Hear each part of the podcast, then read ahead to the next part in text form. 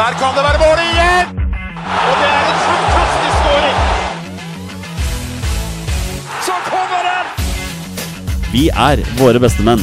Vi har jo en del vi skal gå gjennom i dag. Skal vi bare, bare kjøre på med episoden vår? Ja, la oss gjøre det. Kjør. Heia Norge. Heia Norge. Heia Norge.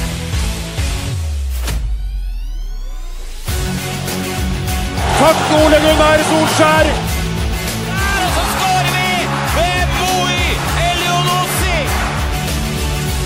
Rekdal skyter i mål! Og Norge leder 1-0! Så kommer den! Det er Tariq Elunussi som har sist på den! Martin Ødegaard! Hjertelig velkommen til alle våre følgere og lyttere der ute til det som er tidenes aller første episode 251 av våre bestemenns podkast om norsk landslagsfotball. Mitt navn er Jonny Normann Olsen, og her ute på min veranda på vakre Kolsås, her har vi hverdagshelten fra Bogerud, Petter Hermansen. Hei, hei. Vi har rabagassen fra Raufoss, Torstein Bjørgo. Hallais. Og direkte fra La Liga Locapod, endelig tilbake igjen, overraskelsesgjest Jonas Jæver. Halla! Halla! Hyggelig å ha deg. Jo, du, det er alltid moro å komme ut hit. Ja. Eh, Det tar bare 114 år å komme seg hit, men eh, sånn utover det så syns jeg det er eh, superhyggelig. Jeg har blitt gledet med altså, Thor, eller Thor God of Thunder-kopp eller glass eller hva faen jeg skal kalle det for noe, Ja. og Super Mario Coaster og alt mulig, så jeg føler meg ordentlig til rette her. Petter og Torstein, dere visste jo ikke at han skulle komme, så dere er gledelig overrasket over at vi er fire i dag istedenfor tre. Ja, vi ble jo faktisk gledelig overrasket. Det var, du sa jo at det var en mystery guest her idet vi ankom, så det var bra det var Jonas da, og ingen andre. Ja, Jeg skulle til å si det var godt jeg ikke tok en gjest dere misliker, eller noe sånt. Kan være så mange Nei, men Det var gøy. Det var Ja. morsomt. Torstein, du er på din eh, tredje siste episode. Det er riktig. Er det rart? Ja, det er litt rart. Begynner å tenke mer og mer på det. Men uh, sånn er det bare. Uh, tiden har kommet, så da er det bare å gjøre seg klar for å flytte til Innlandet, da. Ja. Men det går an å ta turen innover Ja. og komme på besøk. Det er lov, det. Ja, vi har vel noen sånne episode 300 og greier og sånn som, Ja, du må, som du må være med på. Landskamper og Nei da, dette får vi til. Ja, altså, Du slutter jo ikke å leve bare fordi du flytter til Lillehammer, liksom. Nei, det høres liksom ut som at det er slutten på meg. Men, Det er det slutten på eh, sosiallivet ditt og liksom alt funksjonelt. Ja. Nei, du- dette, det, sånn, eh, sånn er det. Når du er ute i bondegård og dårlig nettdekning og Og ku med kluft og hele greia. PlayStation er, 3 og Nei, nei kanskje, ikke, kanskje, ikke så, kanskje ikke så dårlig. Han skal, ikke- han skal ikke på celle heller, vel? Akkurat fått 3G og ja, Han ser fortsatt uironisk på MacGyver. Og Ja. ja, ja, ja. Modem på, på nett og. ADSL. det? Fasttelefon, faktisk. Fasttelefon. Um, vi er jo tilbake på hatefotball vi nå. Uh, I og med at samtlige av våre tre norske lag For så vidt ditt lag også. Fire lag, ja. Alle lagene våre. Fordi du er jo Vålerenga-mann. Ja, jeg er jo fra Oslo, så jeg, det er bare sånn by default så har det blitt det. Uh, den tid jeg ikke har fått med meg hvordan det går med Sagene. Uh, men ja, nei, Vålerenga tapte de òg. Så det er faktisk fire forbanna folk som sitter her nå. Ja, Vålerenga-tap, Raufoss-tap og uh, Skei-tap. Um, I Vålerenga skjer det derimot mer ting. Sirkus Vålerenga tilbake på fullt igjen, Peder. Ja.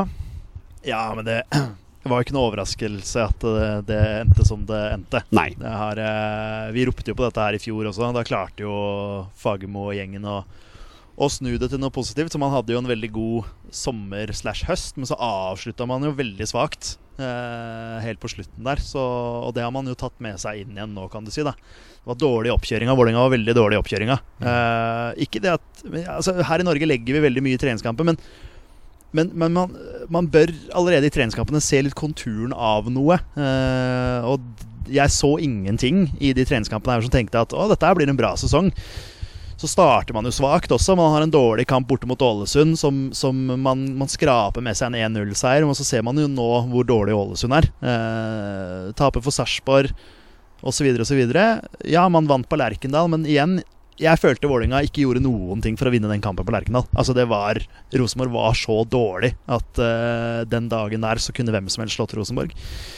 Ja, dårlig hjemmestatistikk. Dårligste hjemmelaget i Eliteserien. Fire tap av fem mulig. Ja, igjen tap, da. Eh, man klarer å tape for et ja, et godset som, som kjempebra, og du ser dem prøver å spille fotball til tider, men, eh, men eh, de er i, i starten av Jørgen Isnes sin eh, eliteseriekarriere, kan du si. Så, så der vil det ta litt tid, mens da Fagermo er i sin fjerde sesong, og det er null utvikling. Det er riktig å sparke han, rett og slett. Nå er det Jan Frode Nordnes som eh, skal lede laget, og får vel får en treårskontrakt i sommer, han da. Ja, det er jo det som er drømmen nå, at han får et par seire. Og, nei da, men selvfølgelig, da jeg leste saken, så ble jeg jo litt sånn spontanirritert, fordi det var sånn Å ja, kan du ikke ta med deg Nordnes også, da? Altså, skjønner, altså At hele teamet bare forsvant ut, og at man hadde en løsning klar. Men, men det hadde man jo ikke. Det var mer sånn drømmescenario min, fra min side. Så da jeg leste det at eh, Nordnes leder laget, så ble jeg jo litt sånn Ja, irritert. Men, men eh, noen må jo lede treninger og sånne ting. Det skjønner jeg jo. Sånn, sånn er det jo. Ja, det er ikke, fy- det er ikke fysioterapeuten som skal gjøre det, liksom. Det er han som faktisk var Nei, assistent. eh, Gjermund kunne sikkert gjort en jobb der. Østby, altså. Ja, du tror det? Den Keepertreneren, ja, ja, han er, er jo legende, så han eh, har vært med på litt av hvert. Men Nordnes sitter jo egentlig nå bare til det kommer en ny trener med Ja. sitt eget team, ikke sant? Ja da, nå, nå må Jokke Jonsson eh, ordentlig på jobb, og nå får jo Jokke Jonsson ordentlig vært på jobb, for han har jo vært under Fagermo. Eh, og har jo selv uttalt nå at han syns at det har vært rart. Eh, så, så at han nå kanskje kan blomstre mer i den sportssjefrollen som han faktisk skal ha, det er jo det man, man drømmer litt om nå, da. Og, og jeg, må jo, jeg må jo si det at eh, jeg som ja, Oslo-gutt og Vålerenga-supportere ønsker jo et Oslo-team nå. Jeg syns det er på tide at vi, at vi får inn noen Oslo-folk i, eh, i styre og stell, altså i ledelse, i uh, trenerteam osv. Uh, jeg tror det hadde vært veldig veldig spennende. da Trøym har jo det, det blir mye navn, ikke sant? Det er liksom Ronny Deila, det er Dag Erle Fagermo. Det er store trenernavn da som, som mislykkes gang på gang. Kanskje man for en gangs skyld skal tenke og, altså Ikke tenke navn, men tenke kanskje noe som, noen som har kjennskap til Vålerenga som klubb fra før av. da altså som, som kanskje har vært i klubben tidligere som spiller, eller Ja, det, det, det hadde jeg syntes vært veldig spennende. da Ja, det blir en spennende tid. Det blir I hvert fall en spennende sommer.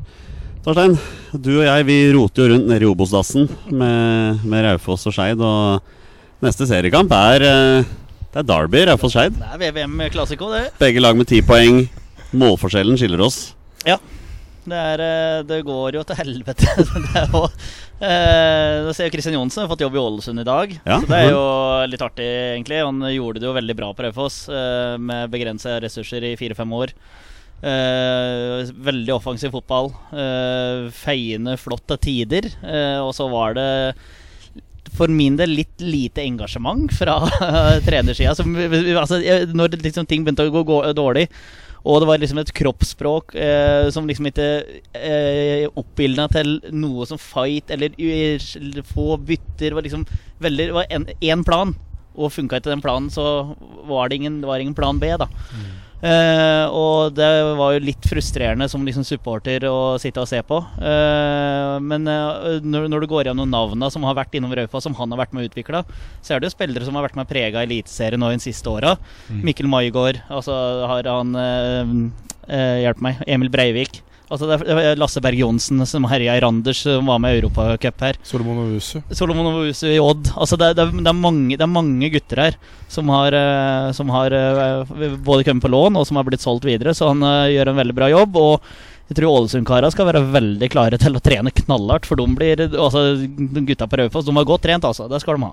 Eh, ferdig med Ålesund-prat. Åle Raufoss. Eh, nok et tap mot eh, Jerv. Eh, det er vel sjuende eller åttende kampen uten seier nå. Jevn kamp igjen som de taper. Eh, klarer ikke å bikke noen ting i sin favør. Eh, så det er eh, grått og trist. Skårer mål i cupen og ikke i serien, og da havner du langt, langt langt ned på tabell. Heldigvis er Åsane, Bryne og Skeid enn så lenge dårligere.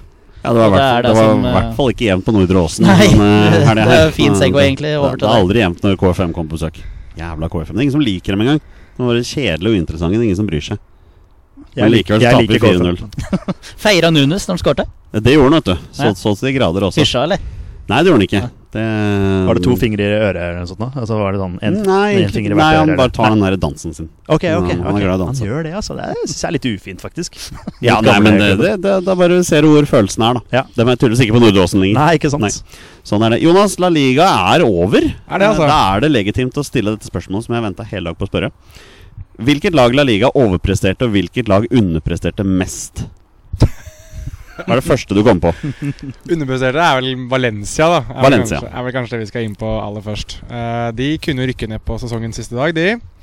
Endte vel til slutt på 16.-plass, om jeg husker riktig. Uh, det er jo en gigantisk fotballklubb da som på ingen måte skal surre nedi der. Uh, en fotballklubb med en stolt tradisjon og en ekstremt lojal fanskare som fortjener langt, langt bedre enn det de får. De har dessverre en eier som gir en komplett faen i klubben. Uh, det er utrolig trist. Ehm, så det er den klubben som underpresterer. Nå ble de redda inn til slutt av noen B-lagsspillere litt sånn forskjellig. Um, og ungdomsspillere for så vidt òg. Den som har overprestert mest Tja Jeg vil gå for Osasona, da. Ok. Uh, som skal ut i Europa nå neste sesong. De tok seg til Conference League uh, og spilte cupfinale mot uh, Real Madrid. Og, altså, det er liksom en prestasjon i seg selv å komme til den cupfinalen. For når du møter Real Madrid eller Barcelona eller Atletico Madrid, så du vinner jo ikke den, ikke sant? Mm. Um, men de har eh, fått fram en morsom spillestil. De har en trener som man ikke trodde var så spesielt morsom, i Jacob Arrazate. Men han har liksom virkelig fått den klubben til å spille fotball. Um, så det er vel de som har overprestert mest, sånn hvis du ser på hvor mye de har budsjett. De er jo fryktelig ærlige hos Asona for øvrig òg, det må jeg bare få sagt. Altså de, når de kjøper spillere, så legger de alltid ut i pressemeldingene nøyaktig hva de har betalt. Okay. eh, nøyaktig hvor, hvor lang kontrakten er. Nøyaktig alt de kan legge ut nøyaktig. Altså på eh, eurosenten. Det er ganske sjukt, og det er en del av eh, etoset deres. Fordi For noen år siden så var de nære ved å bli slått konkurs. Så nå skal supporterne få vite nøyaktig hvor alle penger går hen hele tiden. Så sitter supporterne hjemme med Excel-arket sitt og bare plotter inn dette her, så de veit hele tiden hva det ligger i. Det trenger de ikke, for det gjør Osasona for dem. Og de kan det, ja. gå inn og laste ned oppdatert hele tida. Eh, så det, de er eh, helt på ball der. Så det er eh, enten de eller Girona. Jeg får nevne de òg, da. De var nyopprykka og endte på tiendeplass, det er alltid imponerende. Men da skal altså Shimi Avila ut i Europa, altså? Shimi Avila skal ut i Europa. herregud. Altså, jeg, har, eh, jeg er så nære å bestille drakt av Shimi Avila. Altså, han er en liten sånn sweet spot for, faktisk. Ja, Han er helt nydelig. Ja. Han eh, Argentiner fra fattige kår. Eh, red på hest til trening fordi han ikke hadde råd til bussen. Eh, Tatovert eh, oppi huet og ræva, holdt jeg på å si. Spiller alltid med å dratt opp shortsen Altså bretter opp shortsen sin litt, så du ser ordentlige muskler på den. Og de er selvfølgelig tatoverte, de også. Eh, har tatt begge knærne sine, men eh, kommer seg alltid tilbake igjen. Hvis han står på 40 meter og ballen er Altså det er dårlig vinkel og mulig, han skyter. Han skyter på alt. uh, og gir fullstendig F i eh, det som måtte være. Han har fått et par røde kort også for å egentlig bare være fly forbanna. Eh, og det er sånn Skjønner du hvorfor, eller? Det er en fyr med litt bagasje. Elsker det. Du kjenner deg igjen, du, Torstein. Det er det du gjør. Jeg skulle akkurat til å si det. Jeg har dømt en sånn spiller for Skeid sjuer. Jeg vet ikke om det er deg. Uh, Jo, jo det er han. Ja, ja, ja. Er helt, han er helt nydelig. Så han skal ut i Europa. Deilig. Nå bare avslutte med å si at jeg elsker Conference League. Det er så gøy, da. Conference League er helt nydelig. Det er gøy. Vi har jo snakket om det at vi vil ha flere europacuper. Vi må ha en sånn midt på tabellen-europacup også. Sånn for 10.-11.-plassen og sånn. Det er det, du egentlig, det er det Conference League egentlig skal være. Ja, ja. Det er bare at Westham plutselig driver og tuller seg ikke inn sant, der. Vi snakket også om det sånn Conference League Nei, en Europaliga for det laget som akkurat berger seg fra rykkene. Altså plassen over nedrykk i alle, liksom, alle ligaene. Ja, ja, ja, ja. Almost relegation league. Det var gøy. Det er mange muligheter for å tjene Ja. penger, ja. Lagene som rykker ned league. Sandefjord er med hvert år. Hvert år, ja. Det er ikke i år, for i år rykker de ned. Men eh, det er jo ikke derfor vi er her. Vi skal prate landslagsfotball. Så jeg lurer på om vi bare skal kjøre i gang, jeg, boys. Skal vi gjøre det, Peder? Ja, la oss gjøre det. Kjør! Da gjør vi det. Rekdal skyter i mål! Mål! Norge leder 1-0, og mannen for de store begivenheter, Kjetil Rekdal skårer igjen. Er fantastisk i EM og VM-sluttspill i VM-kamper, Kjetil Rekdal. Hvis jeg ikke nevnte det i introen, forresten, kjære lyttere, hvis dere hører billyder i bakgrunnen, at det kommer litt vindlyd og sånn, så er det rett og slett fordi vi sitter ute i dag, Petter. Fordi det er for varmt til å være inne. Det har vært en varm dag, ass. Det, er, eh, ja, det var deilig å sitte her ute Ja. nå. Men det er på tide med det som er en tradisjon her i Våre bestemenn. Det har det vært eh, i hvert fall to ganger i løpet av hvert år siden vi begynte. Og det er at vi skal sitte her og snakke om at de to neste landskampene blir eh, superviktige. Sånn Ja. er det i hver kvalik. Etter én eller to eller tre eller fire runder så sitter vi her og sier nå kommer de to kampene som skal avgjøre hele kvaliken for oss. Og det skjer nå. For nå, Ja. nå kommer Skottland, som har seks poeng. Så kommer Kypros, som har null poeng. Vi har ett poeng. Ja, det blir jo ekstremt viktig. Det er det. Det er jo ikke noe tvil om det, og det er jo den Skottland-kampen først og fremst nå. Taper vi den, så er vi ille ute. Ja, Det er ille hvis vi slår Skottland og taper mot Kypros. da Det, det gjør vi ikke. Nei, det skal ikke Det skje, det, ikke. altså. Kypros-kampen for meg blir sånn den, den Det er fælt å si at vi holdt på å si bare skal møte opp og vinne den. Vi må gjøre jobben, men, men altså, den, den vinner vi. Hva sier du, Jonas? Skal vi bare møte opp og vinne den når Kypros kommer på tirsdag?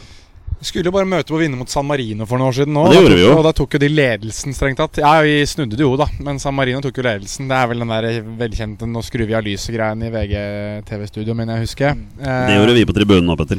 Ja, men tok ikke ledelsen, gjorde de det? Utligna Vi utligna til 1-1. Eller de utligna De til 1-1. utlignet. Utlignet var det. Sånn ja. var det. Det var ille nok, det, altså. Ja. Det var ille nok, ja. De scora, tenkte jeg. Det var liksom, ja, ja, ja. Det, de hadde vel ikke scora siden før krigen, før de scora mot oss. Så um, Nei, altså Jeg tenker jo at sånn Hvis du skal faktisk være litt dramatisk og litt sånn hyperbol, som man gjerne er i, i pressen, så er det er litt vinn eller forsvinn, altså, de to kampene der. Ja. Spesielt den Skottland-kampen. Um, rett og slett fordi de har fått en så pangstart på dette her. Og hadde jo den kampen mot Spania der de kriget seg til seier egentlig mer enn noe annet mot et litt sånn nytt Spania, som fremdeles er litt sånn Man vet ikke helt hvor de står hen, da. Uh, og det vet de egentlig ikke selv heller.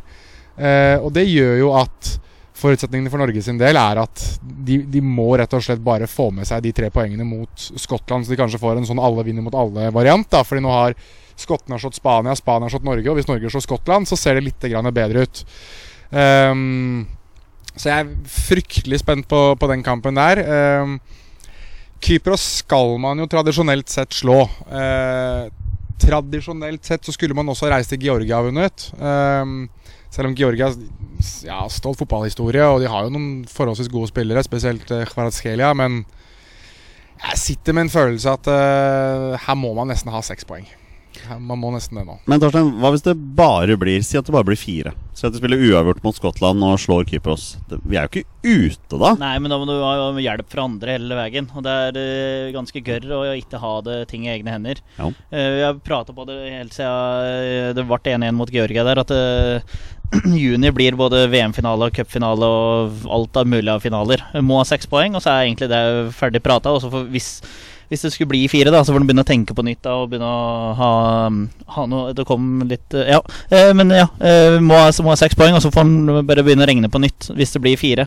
Eh, Det er Mot Skottland så avgjøres egentlig absolutt alt. Det er det, det handler om nå. Og så det kom en flagrende mann fra treble-feiring i Manchester landende på Gardermoen i dag òg, så han tror jeg er ganske bra gira på Kanskje litt småsliten både av kampbelastning og alkoholinntak, men eh, jeg satser på at han er eh, ganske bra gira på å få med seg eh, seks poeng her nå. Det er en veldig fin Segway, Petter. Vi har fått spørsmål fra Thomas Follerås, som sier at eh, Øyvind Alsaker er veldig bekymret for at Haaland skal være mett og utlada etter å ha tatt det treble med FC Sportsvasking. Unnskyld, Man City. Eh, deler dere bekymringen? Nei. Fint, da går vi videre. Nei, men det var jo et veldig fint intervju med han eh, etter matchen. Eh, Jeg vet ikke om det var BT Sport eller hva det var for noe, men eh, det var i hvert fall den gjengen med Thierry Henry og CBS. C Mm. C ja. Eh, hvor han da sa at eh, drømmen hans var å få Norge til mesterskap. Eh, og det er liksom det store drøm og mål, så jeg tror ikke han er mett, nei. Jeg tror det med flagget på brystet der også, og ja For første gang på 20 pluss år komme seg til et mesterskap, det tror jeg er noe som trigger han. Fordi, fordi nå har han jo på en måte oppnådd det nesten det meste man kan oppnå som eh, profesjonell fotballspiller for klubblag. Ja. Når du da vinner treble og du vinner Champions League. Det blir jo ikke større enn det. Eh, så nå er det liksom mesterskap med Norge. Det er jo det som kan toppe det, da. Så er, det, så er det en faktor også vi må, må ta med, og det er kanskje litt teit å si det, men klokka seks på lørdag Det kommer til å bli så jævlig varmt. Ja, Det det, det kommer ja. bli helt sjukt Ja, varmt. avspark eh, 18.00. Ja, det blir, blir, blir varmt. Det er 30 grader. Og ja, det spiller nok inn, det. Men kanskje det er fordel oss da kontra Skottland. Jeg vet ikke. Ja, kanskje er fordel at det ikke er Kypros vi møter på lørdag, for de er vant til eh, Ja, For den begynner kvart på ni, så det er litt, uh, det er det litt roligere. Ja, det blir faktisk enda deiligere. Ja. Ja. Jonas, skal du på Ullevål, eller? Nei, jeg har ikke billett. Eh, jeg er jo vant med det at det trenger man ikke å kjøpe, for det er jo alltid tilgjengelig rett før eh, kampstart. Men det er jo ikke nå. Eh, det er mulig jeg finner en måte å lure meg inn uansett. Men jeg vil bare touche litt på det du sa, dette her med om Haaland er mett eller ikke. Jeg er bekymra av en litt annen årsak, og det er litt det at jeg tror han blir, frustrert. Altså for at han, Nå har han vunnet alt med Manchester City og spilt med de beste spillerne i verden. Og øh, ja, vi har forholdsvis gode spillere, vi òg, men det er ikke Manchester City, altså. Og, og der har han på en måte fått boltre seg, og de har spilt på det han har vært god på, og funnet han i gode posisjoner. Og det har på en måte vært Jeg tror det har vært forholdsvis enkelt, så langt det lar seg gjøre å være enkelt å spille spiss for Manchester City, men jeg tror det er en mer takknemlig oppgave enn det er å spille spiss for Norge. Og Haaland har jo nå standarden der, da. At han har vunnet alt. Og så skal han spille med Norge der det ikke er like lett. Eh, jeg lurer litt på hvordan han responderer på det. Og hvordan han, altså vi har jo for eksempel, Hvis vi skal sammenligne litt med en annen spiller som hadde det tilnærmet likt for en nasjon vi kjenner veldig godt, det er Zlatan Ibrahimovic i, i Sverige. Og han eh, måtte jo i, i, altså rette seg litt etter det at han måtte ta mer ansvar da, da han spilte for Sverige. Men så er jo Zlatan og Haaland veldig ulike spillertyper. Så jeg lurer litt på hvordan man skal på en måte sy sammen det laget for å få det beste ut av Haaland også på et norsk landslag, som man også har klart i City. For de brukte jo lang tid på det, de òg.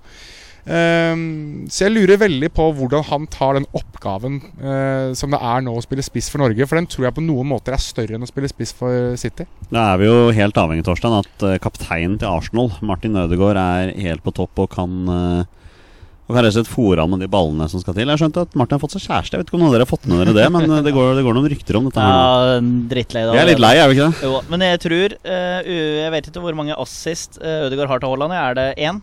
Eh, Nei, det er mer enn én. Er det det? Jeg kommer i hvert fall på to. Han har jo to i samme kamp mot Romania. Ja, det kan Men han må da ha mer enn det, vel? Ja, jeg, jeg, vet, jeg vet ikke. Ja. Men uh, disse der stikkere som liksom Martin Ødegaard ble kjent for, og er for så vidt kjent for, nå ser vi ikke så veldig mye av på landslaget. Fordi det vi har pratet på, at han ligger for lavt Eller ligger for langt ned i banen på landslaget nå. I siste nå så har vi sett liksom at laget har løfta seg litt lenger opp. Så spesielt da mot Spania, når vi faktisk hadde ball i laget der og skapte farligheter. Så var han jo mye mer involvert og skapte flere situasjoner. Uh, og, men helt klart, han og det er nødt til å ta mer ansvar. Og han og det spiller jo med helt andre typer kantspillere i Arsenal. Ja. Med Saka Martinelli. Nå skal han spille ut på Sander Berge, som spiller på en inn, invertert høyrekantrolle. Ja, men i Og- Arsenal spiller han med kantspillere. Ja, det gjør jo ikke nei, Norge. Så, så vi, er av, vi er avhengig av han. Og så selvfølgelig Braut Haaland øh, tar på seg veldig mye oppmerksomhet, han. Så at han kanskje binder opp to-tre mann. Og da er vi avhengig av Fredrik Aursnes igjen på noe dypløp. Sander Berge på noe dypløp. Vi er helt avhengig av det der at alle er med. Vi kan ikke bare øh, overlate alt ansvaret til Haaland, og så fikser han alt sjøl. Det kunne litt mer Zlatan gjøre. Dra av tre mann og kline i hjørnet. Sant? Haaland er jo ikke den typen, sånn jeg ser det i hvert fall.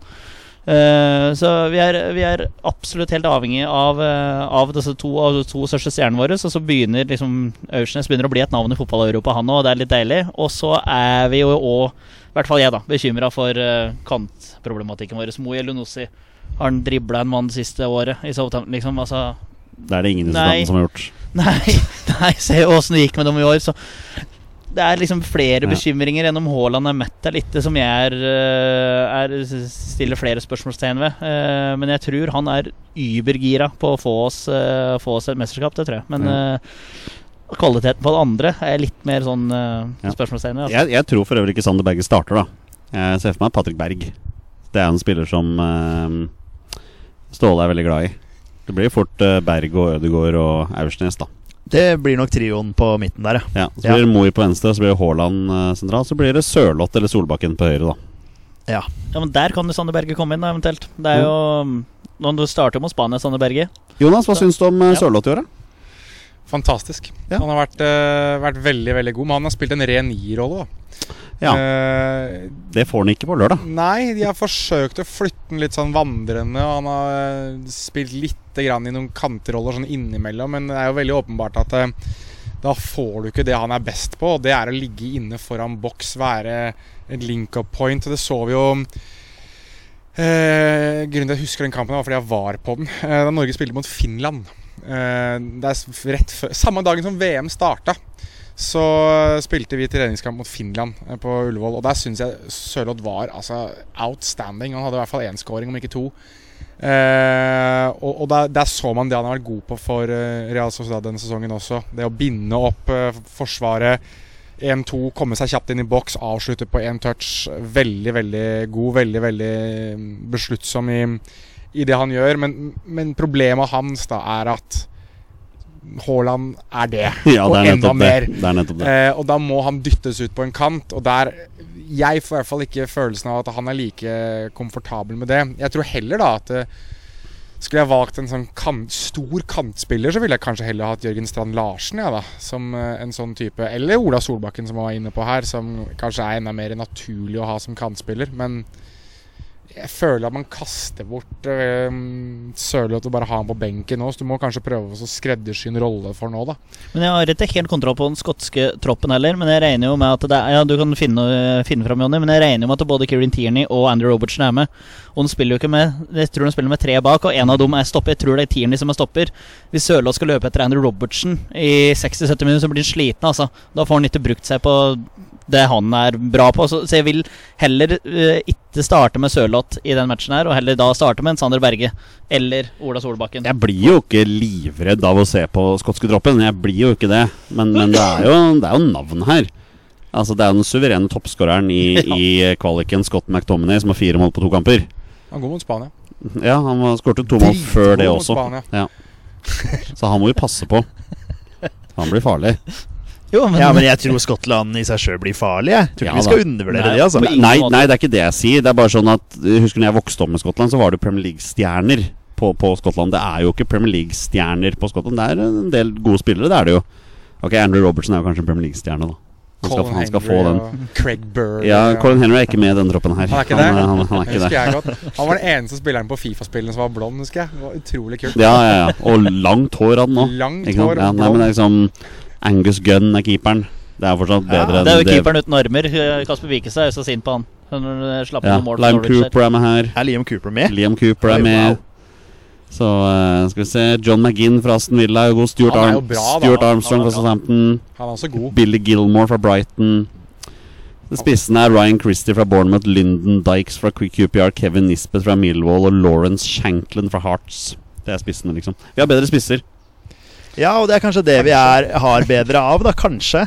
Men det er, eh, ja, er Skottland-kampen. Jeg, jeg ser ikke fram til den i det hele tatt. altså. Nei, ikke jeg heller, er ikke jeg heller. Ikke jeg der, heller. Fordi uh, jeg Det er tror- murbrekkere sentralt der, Er det altså. noe skottene John kan, McGinn og Scott McTominay der. Fy fader. så er det noe er, skottene kan, så er det å kjempe andre lag i senk. Ja. Altså. Og det, og det er sånn klassisk oss at vi skal gå utpå der Ja. og tro at vi kan spille sånn fin fotball mot det, og så blir de Så bare brekker de oss. De, de kommer jo ikke til å gå ut og dominere på Ullevål. De kommer ikke til å gjøre Men de kommer til å hale ut tida, de kommer til å bruke lang tid og sånne ting. Jeg tror kanskje det jeg gruer meg mest til, men samtidig fascinerer meg mest til, er jo de der fanatiske supporterne.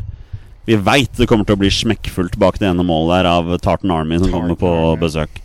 Og det er jo innmari fascinerende i seg sjøl. Kommer til å flytte mye spillere på dødballer, tror jeg. Det er sånn lag som kommer Ja, ja, til å Når de får en dødball, så stopper den kampen et minutt eller to, for da skal alle gutta opp. Det er sånn jeg kan forestille Og så skal de prøve å skrape med seg Hva er treneren deres nå?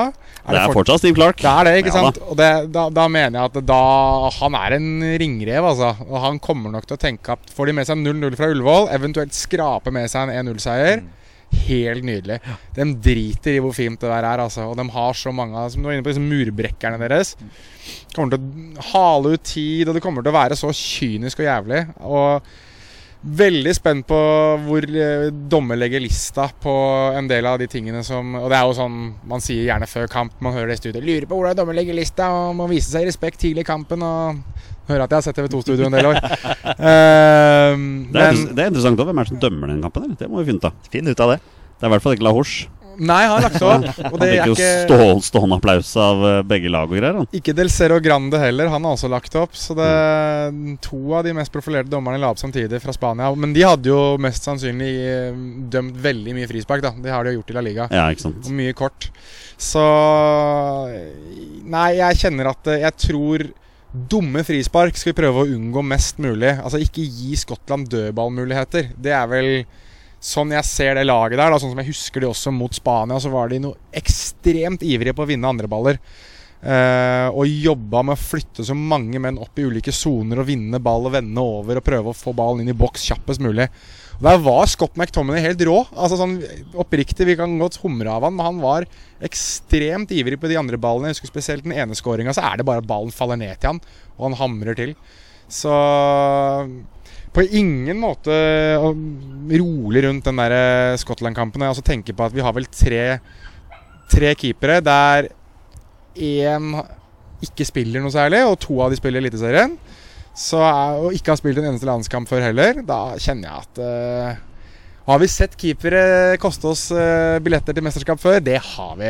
Ligger, Eh, ligger det litt av tabbe i lufta? Er det det du prøver å Ja? Er ikke det norsk landslagstradisjon? At Jo. Vi skal ha en horribel keeperprestasjon? Vi må ta resultattips fra begge kamper, Uh, Petter. Nei, jeg frykter den Skottland-kampen. Ja. Jeg er ordentlig redd for den. Uh, nei, vi, vi taper 2-1.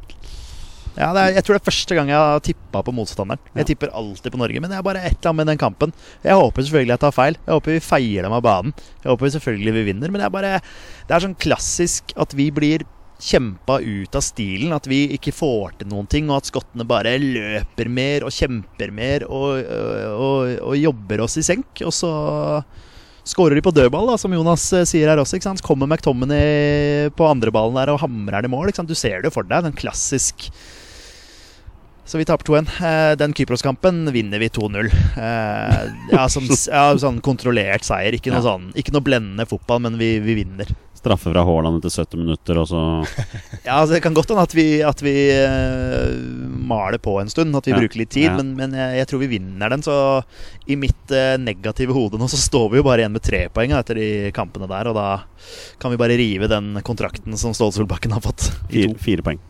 Du tror det blir fire? Nei, men vi står igjen med fire da hvis vi taper mot Skottland og slår Kypros. Vi, Ja, men etter de to kampene der, at vi tar, ja, ja, vi tar bare tre de poeng. to, ja. ja, Da er jeg med. tar- Jeg mente sammenlagt. At vi, nei da. Nei, da at vi, at vi eh, Og det er jo selvfølgelig for lite. Ja. Det er fire poeng etter de to kampene der også. At vi uh, spiller uavgjort mot Skottland og vinner mot Kypros, er jo for lite, det òg, egentlig. Jonas, resultattips? Eh, jeg går for 1-1, jeg. Og jeg tror uh, Iallfall mot Skott, mellom Norge og Skottland. Eh, og jeg tror det kommer til å være en sånn derre infernalsk sånn stemning om at liksom nå skal vi virkelig eh, reise kjerringa mot skottene og vise at det kan ikke komme her og komme her. Og kommer det å være så mye hype både i media og blant supportere og kjempestemning og varmt og nå skal vi slå dem og være vikinger og sånn. Og så tar skottene ledelsen. At det blir sånn kjempekald dusj. Og så kjemper vi tilbake, eh, og sånn rundt 65-70 så utligner vi. Og så stanger vi mot en sånn der skotsk mur. Og så er det ingen som klarer å utrette noe. Og så har vi kanskje én kjempekjanse som skottene rydder unna. Og så snakker vi om de spillerne vi egentlig burde tatt ut på landslaget, som hadde klart å få til mer enn de spillerne vi har på landslaget. Spesielt når Mats Møller Dæhlie byttes inn i 87. Da kommer det Hvor ble det av Amal Pellegrino? Kommer liksom samtlige til å stille seg spørsmål om dagen derpå. Og så knuser vi Kypros 4-0. Og så stiller vi spørsmålet Hvor var dette mot Skottland? Sånn som det er eh, gang etter gang etter gang. Kjenner du norsk media, du? Er Ikke dumt bare det. Nei, det er litt gøy. Jeg jobber, jobber jo ikke i uh, rikspresset lenger, så kan jeg jo Det er ikke noen bransjehemmeligheter jeg kommer med her nå. Dere har lest alt Det det gjør du i hvert fall ikke etter i kveld. Det sikkert best. Eh, Torstein, resultattips? Nei, vi står med seks poeng etter disse to her. Å, det er så deilig. Ja, vi gjør jo det. Du og meg. Ja. Ja. Det er eh, Nei, vi uh, Kampbildet som eh, som eh, blir eh, sagt eh, satt opp her. Eh, jeg kan jo kjenne meg igjen i begge, egentlig. Men eh, Vi har vært landslagssupportere noen år. ja. eh, men det er riktig det Jonas sier, bare at i det 83. så dunker Brauten inn 2-1. 2-1. Ja, ja, så Ja. vi slår Skottland 2-1. Og så har jeg lyst til å slenge med på den 4-0, men da får jeg gå litt ned. da 3-0 over Kypros. Ja. Nei, jeg tror også vi tar seks poeng. Ja. Ja. Vi holder til og med nullen i begge kamper. Ja da. Ja, da. Vinner 1-0 i begge kamper. Ja, men det holder, det. Jeg tar det, altså. Ja, ja, ja. Tror det faktisk det er Bård Finne som skårer mot Kypros. Så, Ti minutter før slutt der. Super sub. Super, super sub, ja. ja. Så, så sånn er det. Super-Bård Finne, altså. Og et nytt skudd, og det er 2-0! Og det er Rekdal igjen som, eh, som blir matchvinneren her med et kanonskudd eh, fra 20 meter. Og det er et veldig fint eh, norsk angrepsspill. Gode prestasjoner over hele linja. Vi har som vanlig etterlyst spørsmål fra lyttere, og Peter, våre lyttere de leverer varene. Det gjør bl.a. Sondre Helleve, som lurer på hvem av debutantene får mest spilletid. Ja, hvem er det? Er det, er det Bård, eller? Bård Finne? Scoreboard. Scoreboard? Scoreboard Finne. Det er fantastisk eh, navn. Nei, men Du tror det blir Bård? Ja, vi må jo bare si til lytterne at eh, vi hadde en liten pause her nå hvor vi snakka litt om Bård Finne. Eh, og hvor jeg da eh, har, har stått på x antall Vålerenga-kamper og lagd noen sånne ordspill på navnet hans. da Blant annet da scoreboard. Ja. Eh, Og Jonas falt helt for den i pausen. Den likte Jonas veldig Ja, godt. altså de, de som har hørt La Liga Loca, vil jo ha hørt at jeg syns ordspill er fryktelig gøy. Og veldig ofte fryktelig dårlige ordspill. Dette var jo i tillegg veldig bra. Så, så det, ja, men det her kommer det Jeg annonserer det nå. Jeg kommer til å stjele den og ta den på Twitter. jeg gjør det. Men da veit dere hvor det kom fra. Ja, Jeg det, tagge, skal tagge hvor tagge, tagge, Pet, på. tagge Petter Så, eh, så etter kampen så drar han hjem på skateboard. Ja, Nei, men uh, Ja. Torstein, utenom, utenom Bård Finne så er potensielle debutanter Kristoffer Welde, Bryce Venbangomo, og så har vi to keepere. Mathias Dyngeland og Egil Selvik. Dette er potensielle debutanter. Ja. Det hadde jo vært litt artig å liksom bare kaste inn en ny keeper her òg. Vi hadde jo Kenta her, som var, var ikke sånn kjempehappy med at eh, Ørjan Nyland spilte utrolig lite. Eh, Men sannsynligvis så var det han som Men fortsatt velger han i mål. Ja, Ja, De var jo veldig klar på det, at han er det ja, soleklare han, er, førstevalget. han er jo det, så at, eh, selvfølgelig blir det han. Men eh, mest sannsynlig Jeg vet ikke. eh, Jeg vil jo tro at både Sørloth og Strand Larsen Nei, Strand Larsen er fanken min til meg. Eh, nei, Jo, han er Jo, med. han er med, han er med på begge, han. Han er med på begge. det? Jo, men det syns jeg, er litt- U21 nå? det synes jeg er litt rart, Fordi Ja. den keeperskampen er vel bare én eller to dager før U21 Men det var, igjen det var begynner. da, det vi drev og pratet på i bil utover At uh, Hugo Vettelsen har vært i et intervju Og han sa at han trodde det kom til å gå fint At han var med på begge og så dro rett til uh, uh, Ikke Georgia, var det Romania det var? Noen husker ikke hvor U21-mesterskapet var Jeg tror du har riktig ja, på Romania. ja, ja, ja. Finalen er Georgia. Finalen. Husker du ikke Leif Gunnar Jo, jo, jeg vet uh, Georgia er finalen Men uh, hvor det, hvor det skal Jo, til Cluj, selvfølgelig Kluge. ja, uh, Uansett, hvem som får uh, Skal jeg kaste Kristoffer Welde, da Når du kommer inn med siste 20 mot Slovenia Ja, tenk om mot Slovenia. Nei, Slovenia Kypros Nå er det mye Nå må du sende det videre, Jonny Men, det, Ja. men uh, jeg syns jo det er spennende med Wembangomo. da Altså At vi har med han. For Han har uh, Det er litt overraskende. Ja, men han har den der spisskompetansen fra backplass hvor han rett og slett bare kan dra forbi folk. Mm. Ja, Det syns jeg er Men er eh, han med som venstre- eller høyreback? Han har jo spilt mye venstreback i Glimt. Han spilte det i fjor. Eh, og så ble han jo lovt å spille på høyre. Ja. Og så henta de Omar og Labdelawi, og så var han dritsur på egen klubb. Og ville, og ville forlate dem. Ja. Ville forlate dem. Stemmer. Nå vil han ikke forlate dem. Han, den, han, han er veldig veldig spennende, og en som vi liksom ikke har snakka noe om i landslagsdiskusjonen i det hele tatt. Så det var jo veldig overraskende at han var med. Men jeg syns det er veldig kult, fordi han har den derre Ja, at han kan Den X-faktoren. Han kan bare dra forbi folk. Og når vi nå sliter med eh, Beck-alternativ Altså Bjørkan er ute, eh, Meling er venstreback, Mm. og så har vi på høyre så var Hvem var det som var ute der? Holmgren Pedersen. Holmgren Pedersen Pedersen er ute. Der, der skjønte jeg at Ayer eh, og Ryerson var liksom tiltenkt høyrebekkene. At eh, Ståle sa at Ayer kanskje mest var mer som bekk denne gangen. Mm, Jeg er skeptisk til det, altså. Ja, det er jeg også skeptisk til. Ja. Men eh, da høres det jo litt ut som Wembangomo er tiltenkt en, ja, som en backup på venstre bekk, da. Interessant, veldig interessant ja. Men, Men det- han eh, Ja. Det blir jo Julian Ryerson. Det blir jo Ryerson og høyre. Meling Ja. som spiller på bekkene. Det blir det nok. Men uh, Wembangomo eh, er spennende, altså. Det er, eh, ja, eh, jeg, jeg sier han, ja, da. At han får flest uh, minutter. Kult. Håkon Gjerpseth sier La oss, krydde, nei, la oss krysse fingrene til stille for Dyngeland i mål. Han spiller i det minste fast på et klubblag. Uh, hvem skal spille med Ryerson og Hanke i forsvar? Ja, han ville Vi, hanke vi inn kan vel bare begynne med at Hanke kommer jo ikke til å spille. Han burde spille. Han burde Han burde ja. spille, Ja, men, men, det, men eh, det burde jo ikke Stefan Strandberg. Men vi vet jo at Stefan Strandberg kommer til å spille denne kampen. Ja, og Det har vel noe å gjøre med erfaringen hans. da Og at han er jo forholdsvis den som har spilt lengst både landslagsfotball, klubbfotball osv. Og, så videre, og har jo spilt på et veldig høyt nivå. da Altså Vi må jo ikke glemme det, men det er jo en grunn til at han er i Vålerenga og ikke ute i Europa eller i Italia eller i Russland eller Ja, Russland er for så vidt greit at han ikke er i, men, men altså han er jo da, vært da hadde han ikke vært på landslaget. Nei, jeg hadde ikke det. Da hadde han sittet på en beach med Mathias Nordmann et eller annet sted, regner jeg Da hadde Ståle fått et problem, da. Han som er så glad i Ste- Stefan Strandberg. Ja. Nei, jeg, jeg, jeg er nok enig i det, men jeg, jeg syns det er liksom litt rart at en kar som kan dunke inn ei scoring mot Borussia Dortmund i siste serierunde på corner, skal sitte på benken for Norge, eh, og den som tar plassen hans, er en kar som spiller for det dårligste hjemmelaget i hele Eliteserien. Mm. Eh, Sammen med en benkesliter fra seriemesteren i Italia. ja, han skjønner jeg litt mer, da. Ja, og, er- altså, nå har han også trent Altså Leo Skiri Østegård har trent med Kvaratskhelia Ossimen en hel sesong og spilt ved siden av Kim Min-jai på trening, så han har liksom fått inn en del Kall det kamptrening, men egentlig ikke kamptrening. Men jeg sliter litt med å liksom legitimere hvorfor ikke det er Hanke Olsen og Skiri Østegård som spiller i tospann for Norge, slik stå er akkurat nå, da. Så Personlig så er jeg veldig fan av Kristoffer Ayer, og jeg syns at det er utrolig trist at han er så mye skada. For han Mm. tror jeg kunne blitt helt enestående på det norske landslaget. Um, men jeg, ja, jeg er litt sånn usikker på hva, hvordan hans framtid blir, også hvis han kommer inn i det Brentford-laget igjen, eller hvis han skal selges til en ny klubb eventuelt. Eh, men ja, nei, jeg, jeg, men jeg syns Wembangomo får sagt det. Den, den Wembangomo-tråden din syns jeg var veldig, veldig bra. Uh, altså, Jeg er veldig enig i det, at han er nok den som sikkert får mest spilletid.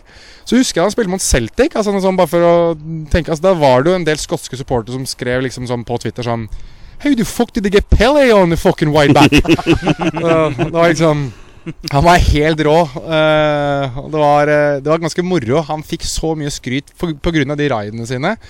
Han er, så, han er så Uh, vanskelig å få tak i. så er han først- stor. Ja, ja, når han først setter i gang der. Helt eno jeg husker jeg, jeg var på en Av alle ting, jeg var på en Sandefjord-trening og så han trene under Marti Cifuentes. Og, altså, han er så gigantisk! Mm. Han er så svær! Og når han da setter i gang Det er liksom sånn Ikke alle som tar den referansen her, men liksom sånn Shaquille O'Neal liksom i basketball. Altså, du stopper han jo ikke. Jeg bare Ja, ja, vi må bare ikke passe på at han ikke får gjøre det her for ofte. Altså, Mm. men, men Nei, han eh, Jeg tror fort han kan spille en spennende rolle hvis han får mulighet, da. Så jeg vil bare få lagt ved det at jeg var ganske Jeg ble litt overbevist over Bangomo her på bakgrunn av det som ble sagt. Sikkert ikke så vanskelig å se som Pelé mot Ross County og Partick Tistel og hvem det er. Han spilte mot Celtic, da! Han spilte mot Celtic på Han spilte Park. mot Celtic på Celtic Eh, Park. ja, mot Celtic? Ja, ja. Glimt, vet du, når Glimt møtte, da Glimt møtte Jeg ja, du husker ja, det, men selvfølgelig. Ja, ja, ja. Bodø-Glimt har vært ute i Europa et par ganger. Jeg trodde vi snakka om Kristoffer Ayer. Nå skjønner Nei, jeg snakka om Ah. Ayer-sporet. Nei, var på Nei, Ayer var jo Frans Beckenbauer han, han spilte borti Det var sånn det var, ja. Ja. Mot, Ross County og Partick. Ja. Ja, Mens ja. Bangomo var Pelé mot Celtic. Ja, det var sånn det var. Ja. Torstein, fast lytter Olai Årdal, er det det Men dyre svarte vi på hvem som skulle inn her nå? Bare sånn for uh, Nei, fordi vi veit hvem det er som spiller. Ja, ja. Det er mest han det. han Men jeg syns Wembongomo var et veldig bra call. jeg. Jo, jo, jo, men, han- Jo, men han, han ville ha hvem som spiller sammen med Ryerson og Hanke Olsen. Wembangomo spiller jo ikke da. Så da, da blir det liksom Strandberg og, og, Og Meling, da. Ja, ja, det blir, ja. ja. ikke sant? Altså Ja. sånn Bare Men, for men å der har vi på en måte det motsatte igjen. da At Strandberg kommer nå på et lag hvor han spiller med bedre spillere enn det Haaland og Ødegaard gjør til vanlig i sin klubbhverdag. på en måte Kanskje han er endelig kan smile litt, Ja, men Kanskje han da løfter nivået sitt opp til det utenlandseventyret som Strandberg har vært med på, hvor han da hadde et veldig høyt nivå inne. Så kanskje han løfter seg med Du blir, jo- bedre når du spiller med bedre spillere rundt deg, og du avslører svakheter når du Ja, du har et godt, godt poeng. Men Så, jeg må bare få sagt det. Altså, sorry, men den der kvalitetsbredden vi har på det norske landslaget Du har en som spiller for det dårligste laget i Eliteserien, som skal spille i tospann, holdt jeg på å si, ikke tospann, på samme lag med Mm. han som nettopp har vunnet the treble med, med City. altså, du, du hører at her er det et kjempeproblem. Altså, her er det et problem.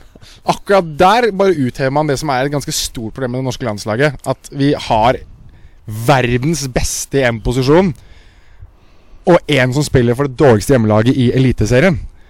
Og begge er liksom Ja, men de skal jo solklart starte for Norge. Altså Jo, men det, det er jo ingen som er enig i at Stefan Strandberg er en solklar Nei, start for men Norge. Nei, men, Men men men samtidig så har Stefan Strandberg vært jævlig viktig for Norge. Mm. Det har han. Jo, han han, har var- vært en av de aller aller beste midtstopperne Han- vi har hatt den siste tiden. Ja, han var, hadde en Men sier ikke det mer om landslaget, da? Jo, for all del. Vi, vi sliter med stoppere. Altså, Vi Ja. sliter med kvaliteten på stoppeplass. Det er det ikke noe tvil om. Men at, men at Stefan Strandberg forsvarer landslagsplassen på bakgrunn av tidligere landslagsprestasjoner, det gjør han. Han forsvarer det ikke med tanke på prestasjon for Vålerenga nå, for han har ikke vært noe god for Vålerenga. Der syns jeg Heggheim har vært bedre. Men han har ikke vært god for landslaget på et år heller, da. Det var jo før sommeren i fjor. Da var han god. Jo, ja, ja, ja, ja, liksom for all del, om for all del. Høsten, og den var ikke spesielt bra. Og nå Men da var det siste kampen til Hanke Olsen òg. Var jo han ræva. Ja, ikke sant, Altså, men han det- var elendig. Det er det vi har snakka om også, å ta vare på muligheten når du først spiller for landslaget. Mhm. Der har jo ikke Hanke Olsen Det har jo ikke han gjort. Nei. Han var jo all over the place i den siste Ja, det var mot. Slovenia, eller som vi var inne på i stad. Jeg husker okay, ikke. ja, men, men jeg du- husker i hvert fall at vi kommenterte det. Ja. At det liksom, ok, bra, nå er han med, men så tok han ikke vare på muligheten. Nei, Ja. det, ja. Og det er det flere som ikke har gjort med flagget på brystet. Strammer ble fraløpt i Georgia. Var det ikke han som ble fraløpt med den ja, lange ballen jo. over? Ikke sant? Og det er Det var ikke hans feil. Men den, deler, Nei, ja, den man deler med Østegård, da. Ikke sant? Det er jo Østegård rykker ut, og så Ja, det blir jo, en, det blir jo litt kaos der. De, det gjør det, jeg er enig. Altså, de, må jo ta, de må jo ta skylden begge to. Men, Ja, sam, men samtidig så er liksom Det jeg prøver å utheve her, er at vi har altså to av de beste spillerne i Premier League i sine posisjoner, og kanskje han som potensielt kan vinne gullballen i, på topp for oss.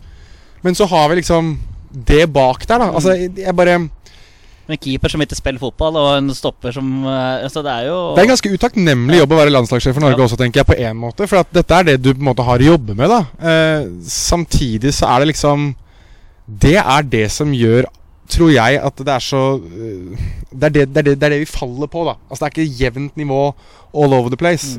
Så um, i tillegg til det er derfor vi blir kjempa i senk av Skottland òg, fordi vi er for svake defensivt. Ja, og da tenker jeg at det er bedre det å ha en masse skotter som spiller for Ross County og Kilmanrock og Hearts og Hibs og hva det nå heter for noe, ikke sant? Som ligger på et jevnt nivå, der de kjenner hverandres nivå gjennom hele fløya. Mens for Norge så har du Stefan Strandberg som skal opp på Haaland-nivå, og Haaland som skal ned på Strandberg-nivå. Altså, Mm. det, blir, det blir en smørje, da. Eh, og det er litt der jeg føler at veldig mye av problemene våre ligger. Og der jeg føler at Ståle Solbakken må finne en eller annen løsning. Og det har ikke han klart ennå. Lars Lagerbäck klarte det ikke. Per-Mathias Høgmo klarte det ikke. Uh, Åge Hareide klarte det ikke. Drillo klarte Altså, ingen klarte det. Drillo klarte det på 90-tallet, men ikke i sin andre Da var det mer jevnhet igjen. da, Altså, da var det jevnt. Ja. Kanskje vi rett og slett skal begynne å senke ambisjonene våre? Nei, vi skal til landslaget. mesterskapet. Jo, jo, men det er som Jonas sier, da. Vi kanskje bare må akseptere at vi er det landet vi er. Og at vi, vi har en grei generasjon offensivt nå. Vi sliter defensivt. Problemet, er at vi er Norge. Altså, problemet er at vi har verdens beste fotballspiller på vårt landslag. Altså, er det et problem? På en måte så blir det et problem, for skal vi senke ambisjonene våre når vi har verdens beste spiller? Jo, men, men én spiller er ikke nok for et lag. Nei, det er noe sant, men jeg vil jo tro at et lag må jo kunne heve seg på bakgrunn av at de har verdens beste spiller på laget sitt. Ja, det har vi jo. Det er det ikke noen tvil om. Vi har bare ikke tatt det steget som er nok, da. Akkurat nå, vi, vi, sliter fortsatt med å ta siste steget. Jeg Ja, tror vi, vi må bare videre, dere, for vi har fått masse Ja, da spørsmål. må vi, vi må håpe at Uefa tillater enda flere lag å være med i konkurransen eller i turneringene deres. Vi får konkludere med Torsten at uh, vi sliter med defensivt anlagte spillere på, Ja, på norsk landslag. det, Kanskje det blir sånn Conference EM-league. vi var inne på Nei, Sverige. nå må vi videre. Greit. Nå- nå- ja, nei, vi- vi må ta det et, etterpå. Ja. Ja, greit. uh, fordi fast lytter Olai Årdal Han er i det dype hjørnet i dag, Torsten. Mm -hmm. ja, han lurer på hvordan tror dere det er å være debutant på landslaget? Har du ekstra press eh, på alt du gjør, fra hva du spiser til hvordan du gjør det på feltet? Ja, hvem kaster du den til? Alle. Alle? Eh, Åssen det er å være debutant på landslaget? altså basert på det, men jeg tror det er en ganske sammensveisa gjeng. Og det er liksom en eh, Jeg liker å tro at det er en slags kompisgjeng på så, så på- debutanter bare skyves ut? Nei, nei. Altså en egen nei, klikk? Dere får ikke lov til å sitte her. Ja, debutantbordet er der borte. Den benken borte ved inngangen. Men jeg husker bare det når Omar er og hilser på gutta på en slags landslagsfrokost, sånt, hvor alle bare gir så varme klemmer og sånn. At det liksom at det er en sånn en Du går meg forbi debutantbordet. ja. Nei, men At det er en sånn varme og en kjærlighet en inkluderende gjeng der. Jeg bare ser for meg det. Og hvis jeg hadde vært debutant, så hadde jeg vært litt stoka. Og Jeg hadde sett liksom Brauten komme der både for ett og to år siden, men i hvert fall nå, da. Og disse store gutta. Men jeg, jeg, jeg vil tro at det hadde vært ganske avslappa stemning. Og så hadde jeg prøvd å menge meg litt med Mats Møller Dæhlie. Eh, Han virker som en veldig ålreit kar. Kunne Ja. triksa litt med han, og jeg veit at han hadde starta på benken og hadde hatt en trygg favn der. Jeg tror det er større sannsynlighet for at det er Mats Møller Dæhlie som menger seg med deg når du er debutant. Det er og et, Han- og et eh, godt poeng. Ja, Han er jo tross alt med som, en som sosialkomitéansvaret på, på landslaget. Ja, men det vil, det, det vil jo være veldig individuelt det der fra person til person. Da. Noen vil jo være tenker Hvis du som en debutant altså skal inn på banen, f.eks. Altså, noen er jo sikkert piss nervøse, og, Mm. og andre tar det her med knusende ro. Så, men jeg tror det er viktig det som du sier, at uh, jeg tror gruppa er veldig god på å ta imot nye folk. Det tror jeg. Så at man, at man blir tatt inn i varmen med en gang. Og det, det tror jeg de har. Ja, flere spillere. Mats Møller Dæhlie annet kan være en sånn type som er en sånn varm person som, som, som ser deg og, og tar deg godt imot. da Bård Finnes' reaksjon på å tatt på landslaget var at det var den store drømmen. Ja, ja. Det var guttedrømmen, Jeg liksom. elsker de intervjuene der hvor de faktisk sier det. Hvor Bård Finne liksom bare sier altså, Wow, liksom, det er helt utrolig. Jeg, skal spille for landslaget. Eller jeg, skal, jeg er ikke sikker han skal spille, men han skal i hvert fall være en del av, av en landslagsgruppe. Og det er liksom den store guttedrømmen. Og det, det syns jeg er veldig veldig kult å, å høre. Jeg er jo veldig glad for at ikke jeg ødela Bård Finnes' landslagsdrøm når han ble gristakla meg som 14-åring utenfor Brann stadion der. Altså. Han og Kasper Skånes. Han og Kasper Skånes Det var feige lag, Jonas. Og jeg og Petter spilte mot to 13-åringer som viste seg å være Bård Finne og Kasper Skånes, som lekte med oss. Du ødela ikke karrieren til Finne, men Skånes tok du. Nei, han takla jeg ikke. Nei, jeg kom, men eh, Bård Finne gristakla etter alle kunstens regler. Jeg var sikker på han døde i den taklingen der. Men han, han reiste seg. Ja, det verste var at uh, eh, han tok det med helt knusende ro. Det var liksom helt greit at han ble Ja. takla. Det var liksom ikke noe Ingen reaksjon, ingenting. Han skjønte nok bare at han var så jævlig mye bedre enn alle andre. Ja, det var nok det. Han var, Og han var 13 år. Hører du si at han var on board med det at du gjorde det? Oh, Ja, det fortsetter vi. Hei, jeg vet det, nå vet jeg hva episoden skal hete. Um, Oskar lurer på hvordan har har det seg at Jakob Glesnes aldri blir tatt ut. Fikk prisen som beste forsvarsspiller i MLS og er godt likt av fansen. Du, du Oskar, det har jeg stilt meg spørsmål om ganske lenge. Jeg har ikke noe svar. Men, men det er jo ikke noen journalister som spør om det heller. Jeg skulle til å si at den eneste rundt dette bord til å svare på det, er jo Jonny Normann Olsen. Nei, men jeg har ikke noe svar, fordi Nei. sportslig så er det ingen grunn til at Jakob Glesnes ikke skal bli tatt ut på dette laget. Han er han fikk prisen som beste forspiller i MLS i fjor. Er en av de beste. Har spilt sånn 110 strake kamper på rad nå for Philadelphia. Kjempepopulær. Uh, Skårer til og med årets vakreste mål en gang iblant, også på sånne sjuke frispark. Det, det, er noen, det er ikke noen sportslig grunn til at Jakob Glesnes ikke skal være med. Jeg tror ikke de prioriterer å se MLS. Jeg tror det er det som kanskje er noe av problemet. Altså, det er noe som jeg syns er ganske fascinerende med I hvert fall med landslagstreneren før Ståle Solbakken, altså Lars Lagerbäck, så var det jo veldig åpenbart at han så visse ligaer. At han hadde kunnskap om visse ligaer hele tiden. Og derfor fulgte ikke så mye med på andre ligaer. Da, da vi hadde eksempel Dennis Widgren og sånn, som plutselig dukket opp som potensielle Ja. landslagsspillere. Stemmer det. Og en del, fordi at det, Lars Lagerbäck kjente til den, den svenske ligaen, for den fulgte han med på. Og så var det vel en eller annen Bjørn Paulsen eller noe sånt, som i den danske ligaen, som han lurte på om kanskje hadde norske aner. Og det var jo også igjen fordi det var noe Lars Lagerbäck hadde fulgt med på. Og jeg tror at øh, man sikkert har fulgt med på f.eks. Jakob Glesnes, men jeg tror ikke at man helt øh, føler at den ligaen er målbar sammenlignet med en del av de europeiske ligaene. Samtidig som jeg tror at logistikken gjør at man syns det er liksom Det er, det er vrient da at Glesnes skal reise i så fryktelig mange timer. det er hassle, liksom. Og faen han Jo, men det gjorde jo Ola Kamara. Ja, men, Han dro fram og tilbake over Atlanteren hele tiden. Han Jo, jo, men- på benken for Norge. men hva var valget vårt, da? Altså, Hva, hva var det vi hadde som backup for Ola Kamara? Hva, Nei, vi hadde jo ikke noe Ola Kamara var jo backupen for Joshua King. jo, jo, men hva, hva, ikke sant? Men hva var det neste beste etter Ola Kamara? Da var, da var det Bjørn Mars. Jo, jo, og han kom jo fra Litex, han, i Bulgaria. Ikke sant? Vi, vi hadde jo ingenting. Eh, det var jo, og Derfor så føler man jo sikkert at man har Altså godt nok med stoppere som ikke trenger hele den logistikkutfordringa og jetlag og tilrettelegging og hips med haps osv. Altså, hadde Jakob Glesnes vært på ferie i Norge nå, så tror jeg det hadde vært enkelt å ringe han opp og sagt at kan ikke du komme på samling nå? Altså, du er nettopp ferdig med sesong. Eh, vi veit at du er hjemme. Kan du vi, vi kaller deg opp liksom for å være med, og så ser vi hvordan nivået ditt er. Men når han er borte i Philadelphia og må reise i alle de timene, kanskje er det mellomlanding eller to inn i bildet her, ikke sant, så tror jeg at man anser at logistikken blir for vanskelig. For det husker jeg også var et problem i, med spillere vi hadde borte i Kina. Altså, Jo, men der, hadde- der er det jo enda vanskeligere å komme seg av gårde. Altså fra, Skal du fra Philadelphia til Norge, så er det å ta en tre timers togtur til New York og så ta fly over, liksom. og jetlag og så videre. Jo, det er greit, men det var det i hvert fall når du var i Asia også. Da måtte du bytte fly tre ganger og ta noe tog og taxier og gud veit hva. Ja, Den ble jo ikke kalt opp til slutt, dem heller. Da Frode Johnsen ble det hele tida. Nå er vi langt tilbake i tid, altså, ja, men, men Tariq Elonossi, da. Ble jo tatt opp hele tida, han også.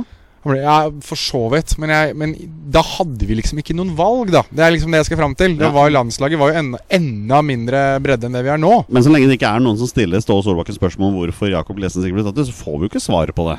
Nei, det er, men så er jo også noe av problemet, tror jeg, er jo Dette igjen kan jeg snakke om fordi jeg har jobbet i pressen i mange, mange år. Følger jo ikke så godt med, vi heller, da. Altså vi som har jobbet i pressen. Altså Jeg husker jeg fulgte veldig Jeg hadde en periode der jeg fulgte veldig mye med på landslaget. Og da så jeg fryktelig mye kamper fra spillere rundt Altså for eksempel eh, Det var jo da Pål Kirkevold plutselig lurte seg inn på landslaget. For eksempel. jeg vet ikke hvor mye han fikk en omgang. Han fikk en omgang, og jeg lurer på hvor mange av de kampene Hva var det han spilte for da? I Danmark? Spilte for en eller annen tulleklubb. Ja, Hobro. Hobro. Hobro, ja. Ja. Ikke sant? Jeg på Tulleklubb. Nå, nå kommer danskene her. Nå, Jo, men søren, altså han skårte masse mål for Hobro. Har du hørt om Hobro siden Pål Kirkevold, eller? nei, men jeg hadde ikke hørt om Hobro før. Eller? Nei, nettopp. Altså Høybro er liksom det eneste. Det er Høybros plass er liksom det eneste. Og det er er det det. som er ugle, er det ikke? Ja, Ja, ja, det er sant. Nå, nå er vi gode. Så Ja. der, ja. Altså, men, men, men jeg mener uansett at uh, vi- da så jeg fryktelig mye fotball fra fryktelig mye ulike land. Uh, jeg prøvde til og med å grave opp noe en gang i tiden. Jeg husker da da Diomande gjorde det bra borti Minsk. Altså, man prøvde i hvert fall. um, Han er i MLS, han òg, forresten. Ja, eh, for To L Toronto. ja, Han er ikke LA nå, nei. Han er Toronto. Nei, Toronto nå. Gudene vet om han har klart det. Han var ikke noe god da han var i Norge nå sist. jeg kan fortelle hvorfor han er i Toronto. Bob Bradley er trener. ja, der har vi det. Ikke sant. uh, men jeg, jeg tenker uansett at uh, må du ikke gå langt utenfor den sfæren du syns er komfortabel, så gjør de jo ikke det. I tillegg så tror jeg at veldig mange av de forsvarsspillerne vi har, er spillere som kjenner sin, sin plass i hierarkiet. da Altså Og da må vi begynne å snakke om igjen, det snakket vi om sist gang jeg var her også. Skal man ha et merittokrati, eller skal man bare ha et satt hierarki i spillere som har det vi kaller for klippekortet? Um, F.eks. Stefan Strandberg, som mange vil mene at har et klippekort da på landslaget. At han kommer med uansett fordi han er Stefan Strandberg. Mats Møller Dæhlie. Han kommer med fordi han er Mats Møller Dæhlie. For noen så mener jeg at Ok, kanskje det er veldig bra, da. Kanskje det er flott for en dynamikk i en gruppe. Vi vet ikke hva Ste Stefan Strandberg vet jeg er god venn med Martin Ødegaard, fordi de har Altså Han har disse veldedighetskampene sammen og gjør veldig mye bra. Altså La oss nå ikke undervurdere karakteren Stefan Strandberg og hva han sikkert gjør i en garderobe. Og det samme gjelder sikkert Mats Møller Dæhlie også, til tross for at han nesten rykker ned til tredjenivå i Tyskland med Nürnberg. Men problemet er jo det signalet det sender ut da til spillere som gjør det dritbra i andre klubber, som f.eks. Jakob Glesnes i USA, som f.eks. Amal Pellegrino i Bodø-Glimt. Er det liksom komplett umulig å spille seg inn på et landslag uansett hvor bra man gjør det, fordi de spillerne skal ha plass?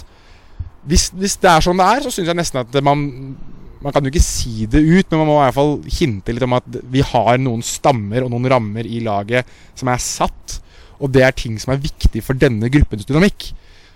Da må man respektere det. Det snakket jo Kent Bergersen om når han var her i januar, og den viktigheten av lagsammensetningen. Og senest nå Leif Gunnar Smerud også snakket jo om det, liksom, at når man skal ta ut en tropp, så er det viktig å ha de rette typene. For hele troppens sammensetning. At man må ikke automatisk tenke at det bare er de beste. For det er ikke sikkert at at si at de fem beste spillerne i den alderskullet passer fint sammen. da. At det kan gå utover hele laget som en helhet. da Nei, Så vil jeg bare fortsette bare kjapt på det Dæhlie-sporet. For det er en ting jeg satt og tenkte på, er sånn Ja, hvorfor kommer han med? Og så er det liksom Hva er de sportslige grunnlagene for det? De er ikke der. La oss nå være ærlige. Det er ikke noe sportslig grunnlag for hvorfor Mats Møller Dæhlie skal være med i en tropp nå. Men hva er det Mats Møller Dæhlie har som på en måte gir han en fordel da inn mot denne gruppa her? Han var med i den gamle gruppa, altså den gamle generasjonen landslagsspillere. Det med Joshua King og Omar Ela og Stefan Johansen og alle de som var før. Og han er med i den nye, og han er god venn med en del av de spillerne òg. Så han er liksom bindeleddet mellom to generasjoner, da, i tillegg til det at han eh, er en type som Ja, han, han har vært mye i media. Han har en far som jobbet mange år i pressen. Som er, altså Han er medietrent. Han kan hjelpe spillere, spesielt de nye spillerne, med hvordan å håndtere media. Jeg intervjuet han selv. Han er kjempegod med media. Um, og Samtidig så tror jeg han har en sånn Som du var inne på, han er sikkert et, et form for sosialt lim. Og det kan jeg forestille meg Stefan Strandberg er, er også fordi Og igjen, her snakker jeg også om noe som jeg tror er veldig viktig. Han har Hvis det er noe han har, så er det en mental styrke som er helt sinnssyk. altså han har gått gjennom så mye utfordringer i livet sitt, med alt, alle tragedier han har opplevd osv. Å ha en sånn karakter i en gruppe når det begynner å butte litt imot, det tror jeg er gull verdt altså for en landslagsledelse. Så ja. Jeg satt her nå og kritiserte begge de valgene tidligere i, i poden, med rette, for det er ingen sportslig grunnlag. Men kanskje det er noen utvalg i en landslagstropp man burde ta der man ikke kun tenker sportslig. Som dere var inne på, at det er stammer i laget og, og folk som faktisk gir de rette rammene til en gruppe, så, så at de kan gå og prestere mer. Problemet er bare at de spiller jo. Stefan Strandberg spiller jo. Mats Møller Dæhlie spiller jo. Og Der har vi noe av det som kanskje er litt av eh, det som gjør at jeg, det skurrer litt samtidig. Da går vi videre. Ja, det er veldig, Ja, veldig fint. Det her er eh, Ja. Kommer til å høre på, spole tilbake Ja. til å høre på starten. Nå kan du egentlig bare gå, Jonas. Du har Ja, sagt, men du har det var uh, veldig, veldig fint, Jonas. Nok for nå. Eh, Eh, Frank Amundsen har stilt flere spørsmål. Jeg tar denne. Eh, tanker om Hugo Vetlesen på vei til Ronny Deila Klubb Brygge. Jeg liker eh, den veien. Ja. At man eh, ikke tar et for stort steg av gangen, men at man eh, går til den belgiske ligaen. Det tror jeg er veldig smart. Og så tar man da eventuelt steg videre derfra. Så jeg er veldig glad i den at man ikke gaper for høyt med en gang. da altså Til og med han som nå er verdens beste spiss, Erling Braut Haaland, har jo gått tatt det gradvis. ikke sant? Tatt det steg for steg, og så gjort seg klar for nye oppgaver. Eh, Vetlesen eh, Ja, det er jo fem år siden eh, vi hadde han som gjest her i podden. Ja, omtrent på denne dag, Ja, faktisk. ja, det var bare et par dager siden så kom det opp på Facebook på denne dag. Eh, Da hadde du og jeg han eh, på, på, ja, inn på kjøkkenet ditt. Ja, ja. Og Han har ikke forandra seg masse siden han var 18 år. Nei, 18-19 og da var han jo en Stabæk-gutt som Ja, han snakka jo om landslaget da. Han skulle spille på Arsenal på den tida her. Ja, det var Arsenal han Det var Arsenal om. Ja, ja, ja. men da, ikke sant, men da han valgte å Fortsatt håp. Ja da, ikke sant? Og, men ja, steg for steg. Jeg liker det. Og så er det jo trygt å gå til Ronny Deila, og tenker jeg, i og med at Ronny Deila kjenner, kjenner til han. Og så viser jo Torstein at Bodø-Glimt kan klubbdrift. Ja, og, videre, masse penger, og de har erstatterne. Klare allerede. Casher de vanvittig inn på den. Men det som overrasker meg Nå vet ikke jeg hvem som har vært interessert i den også, men jeg så og Magnus Barstad på Twitter. Han er ganske bra der og ivrig der. Han eh, og kommenterte det at det her er jo seks millioner pund for en klubb som Everton. Som kunne kaste seg etter den. Altså Det er jo en kjempebillig spiller for, som er en, som er en eh, lav risiko. Funker den ikke, så er det bare å sende den videre.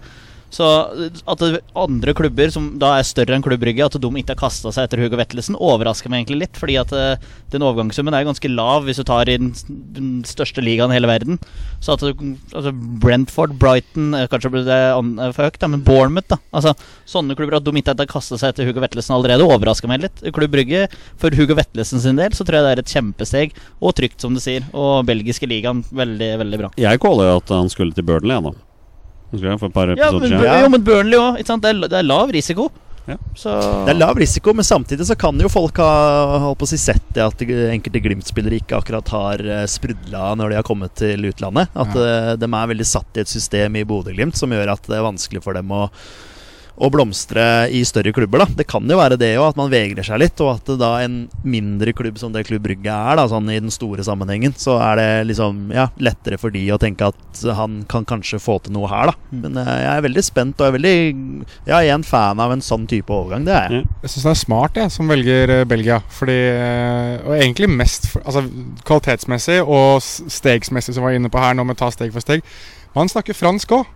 Han er jo fransktalende. Han er jo halvt franskmann. eh, så han drar jo også til en nasjon der han kan gjøre seg forstått med en gang. Altså Han trenger ikke liksom måtte nødvendigvis lære seg et språk og lære seg en kultur nødvendigvis masse. Og liksom gå alle de der stegene med å bli vant med det å være i en ny nasjon. For han har liksom det det som skal til for å gjøre seg forstått fra dag én. Da. Så jeg syns egentlig at valget her er kjempelurt. Ehm, så um, selv om jeg er enig i at altså, det- han, er lav risiko, men jeg tror også at for veldig mange Noen har jo en sånn Premier League-tax på spillere. ikke sant? Altså Du betaler jo sikkert mer hvis en klubb fra en, en liga som Premier League kommer, så går kanskje prisen litt opp. da Eller at du vil ha mer i selvlån, eller du vil ha mer i Ja, Hvis han debuterer eller spiller så mange kamper, så skal vi ha så mye penger. Så jeg tror prisen hadde gått litt mer opp hvis det hadde vært en Premier League-klubb. Mens for Brygge så tipper jeg at det som har gått opp, er sikkert denne Cellon-klausulen. da Mm. På at man skal ha mer igjen av fortjeneste. Så um, Men jeg, jeg elsker valget. Jeg syns det er et kjempevalg. Uh, husker det på FM, det. Det var så undervurdert at man faktisk måtte velge spillere som kunne språket. Ja. Det hadde en del å si. Det var faktisk mer enn jeg noen gang brydde meg om. Hugo når, når Vegard. jeg spilte FM for mange år siden. Det er for vanskelig nå.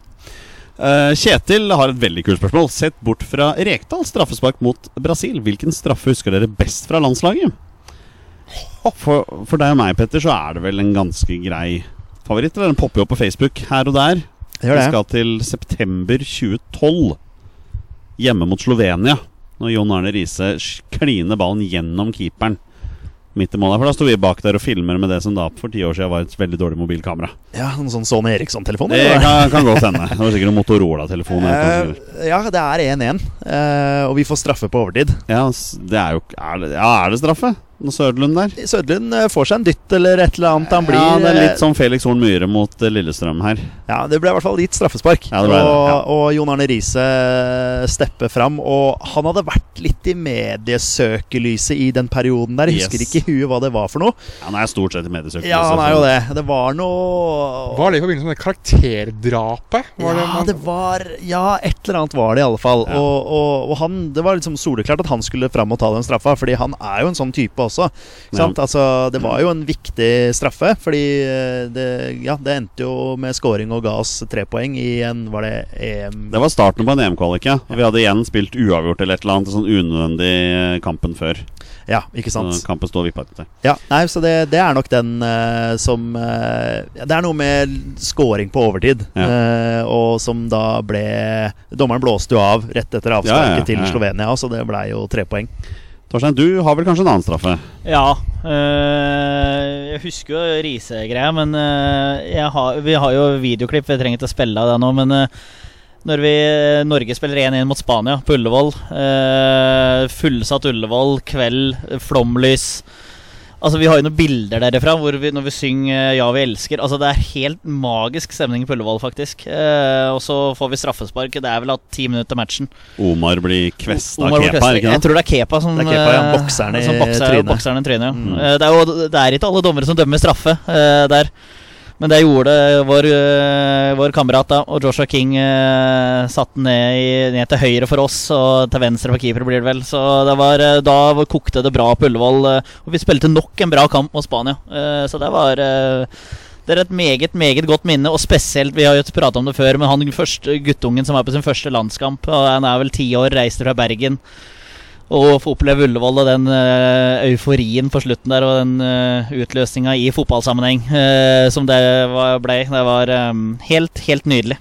Hva med deg, Jonas? Har du noen eh, straffer som sitter i minnet? Ja, den, den her er jo veldig fin, da. Også den husker jeg at jeg dekka, så det var jo gøy å liksom prøve å skulle intervjue folk i etterkant av det. Ehm, men øh, jeg, jeg satt litt øh, tenkte litt her nå. Jeg mener å huske at vi øh, Det er jo veldig rart at jeg liksom tenker på den her, for den hadde jo ingenting å si.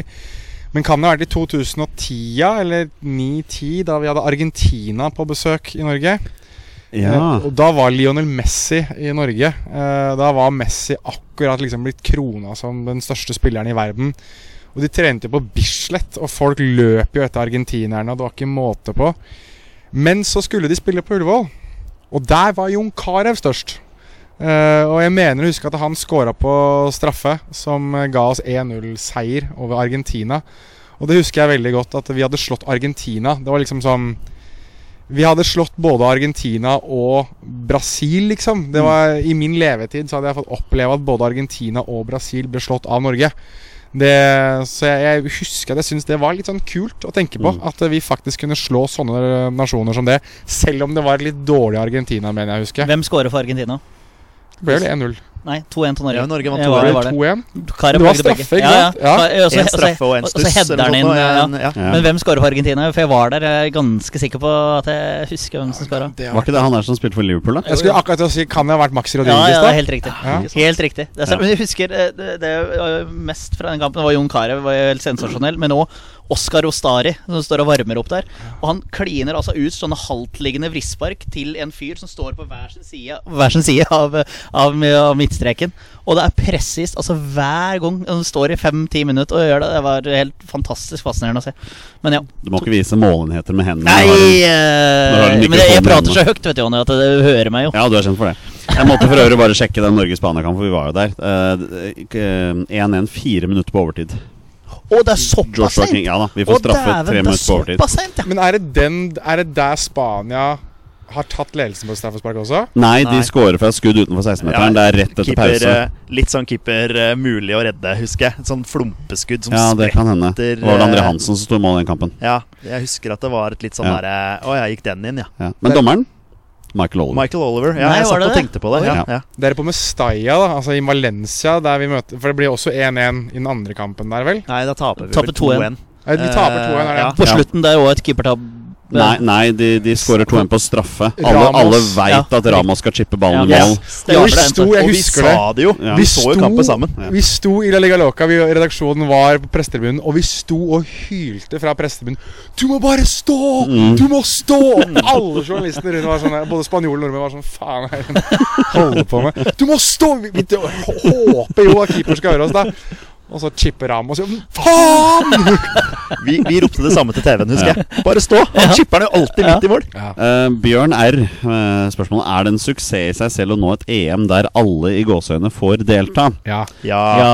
Selvfølgelig er det det, og det er jo, ikke, det er jo under 50% av Europa som får delta. Det er 24 av 53 land. Det er jo noen som ikke får være med òg. Ja. Ja, Sånn men altså Og sånn vi er sultefòra. Men sånn som i, for, to, for to EM-er siden To EM-er siden Når det begynte med 24 lag Da var det liksom sånn Nederland kvalifiserte seg ikke. Danmark kvalifiserte seg ikke på den tiden Så det er alltid noen som ikke kvalifiserer seg. Vi må, vi må ikke slutte å snakke ned prestasjoner. Hvis Norge ender på tredjeplass i den kvaliken her Men tar seg videre til EM gjennom Nations League-playoffen Så driter vi i hvordan man kom seg til EM. Ja, vi bare trenger Vi trenger en sommer hvor vi, hvor vi, eh, ja, hvor vi skal delta i et mesterskap. Ja, Alle vil jo ta sommerferien i Tyskland neste år. Ja, Selvfølgelig. Selvfølgelig vil vi det og så skal vi alle til USA, Canada og Mexico i 20, 2026. Det er 48 land skal delta Bare, i VM. bare begynne å spare. Bare begynne å spare. Um, Gaute er jo positiviteten sjøl. Når skal Ståle gå sin vei, så vi kan få en trener som vil ta oss til mesterskap? Elendige vurderinger på rekke og rad fra den klovnen. Oi, Ja. jeg syns det var ganske hardt. Ja, Det var veldig brutalt, Ja, vurderinger her, skal vi se Han, var, han var der ikke under Lagerbäck, han, eller? Ja, kanskje det var det det var. Nei, men eh, når skal han gå? Skal vi se. Nå har han ja. nettopp signert ny kontrakt, da. Ja, men, eh, men tar, han, tar han oss ikke til EM, så vil jo i hvert fall jeg hive han ut. Det er Ja, neste. Vær så god, Ja, neste. Det var jo litt av det Kent Bergersen nevnte òg, at Ja. eh, de kanskje ble igjen i Glasgow Ja. etter siste kampen der, hvis ikke vi Jeg tror, han får, jeg tror han får muligheten til å ta Norge til VM i 2026. Og hvis han ikke klarer det, så tror jeg Jeg, jeg tror faktisk da går han selv. Tror jeg selv ja, men- ja, men da får han jo ikke ny kontrakt uansett. Så da, kontrakten hans går jo Jo, etter playoffen til det mesterskapet. Ja, ja, fair enough. Men jeg, jeg tror at liksom, da skjønner han det sjøl òg, at da skal han ikke begynne å be om noen ny kontrakt heller. Jeg tror, jeg tror han får det. Og så er det bare å glede seg til 2025, for det er jo Nations League igjen. Det er vi alle glad i. Uh, siste spørsmål kommer fra Jørn Henland. Eh, hele troppen har fått covid, og dere må ta ut en helt ny tropp på 24 spillere. Hvem tar dere ut? Jeg begynner med førstemann, Amal Pellegrino. Ja, du er der, ja. ja. Nå sa han jo nei til Tanzanias, så det er håp. Han gjorde det. Han sa, Ja. han sa nei, ja. Men tar vi ut som spiss? Venstrekant? Venstre kant ville jeg hatt han Ja, som, i hvert fall. Ja. ja, vi har jo rabla ned noe, Vi har rabla ned nå, hvis du vil høre troppen. Kan vi, ikke bare ta, kan vi ikke ta den troppen kjapt, da? Jo, jeg kan eh, fise gjennom det her. Jeg bare Eh, finner fram U21-troppen jeg til eh, Copy-paste. Nei da, vi har eh, tenkt litt uh, nytt. Uh, utgangspunkt i at alle er friske og raske. Så har vi følgende tropp. Uh, tre keepere. Magnus Sjøeng, Anders Kristiansen fra Sarp Oi! eh, og Jakob Karlstrøm fra Molde. Hvem står da? Nei, hvem er det vi skal Det er stein, saks, papir. Ja. Okay. ja, ja, ja. Det er sånn. Svart og hvit.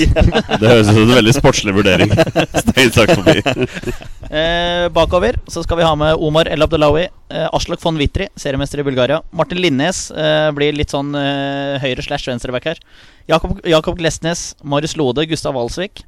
Vi skal ha med formspiller nummer én, Bjørn Inge Utvik. Vi må ha med en hjelm. Ja, eh, har her. med, har med hjelmen, ja. Og så står jo Konrad Vallem oppført som midtstopper Eller forsvarsspiller på Fantasy, så det er der eh, det er utgangspunktet her. Åh, ok. Så, men det Ja. kan hende at han eh, blir, for, blir forfulgt her. Og så skal vi ha med målpoengkongen Joakim Soltvedt fra Sarpsborg. Ok. Eh, midten Amal Pellegrino, selvfølgelig. Eh, altså kanten, da. Vi kan ta kantspillere først. Amahl Amal Pellegrino, Joel Mvuka Ja. ha med. Ja. Uh, Jeppe Hauge uh, får en liten sånn renessanse i denne landslagstroppen her. Jeg, kan jeg Eh, bare nevne det? At det ble, det ble lest intervju her om at han er nå tilbake igjen i Eintracht Frankfurt, og at de har begynt å få litt trua på han igjen, visstnok. Mm, jeg så det. mm, Ja, vi har Ja, trua på han. ja takk, sier jeg. Vi har trua på han her òg, på nødlandslaget 2-0. ja, kjempe, 2.0. kjempetrø. Og så skal vi til Vålerengaland. Vi skal ha med oss Petter Strand. Uh, ja, ja, ja, ja. Trenger en våteboy. Ja, vi trenger en løper. For vi har med Magnus Wolff Eikrem òg. Han skal bare stå og strø. Det er sant. Morten er- Thorsby. Vi må ha noen gule kort her.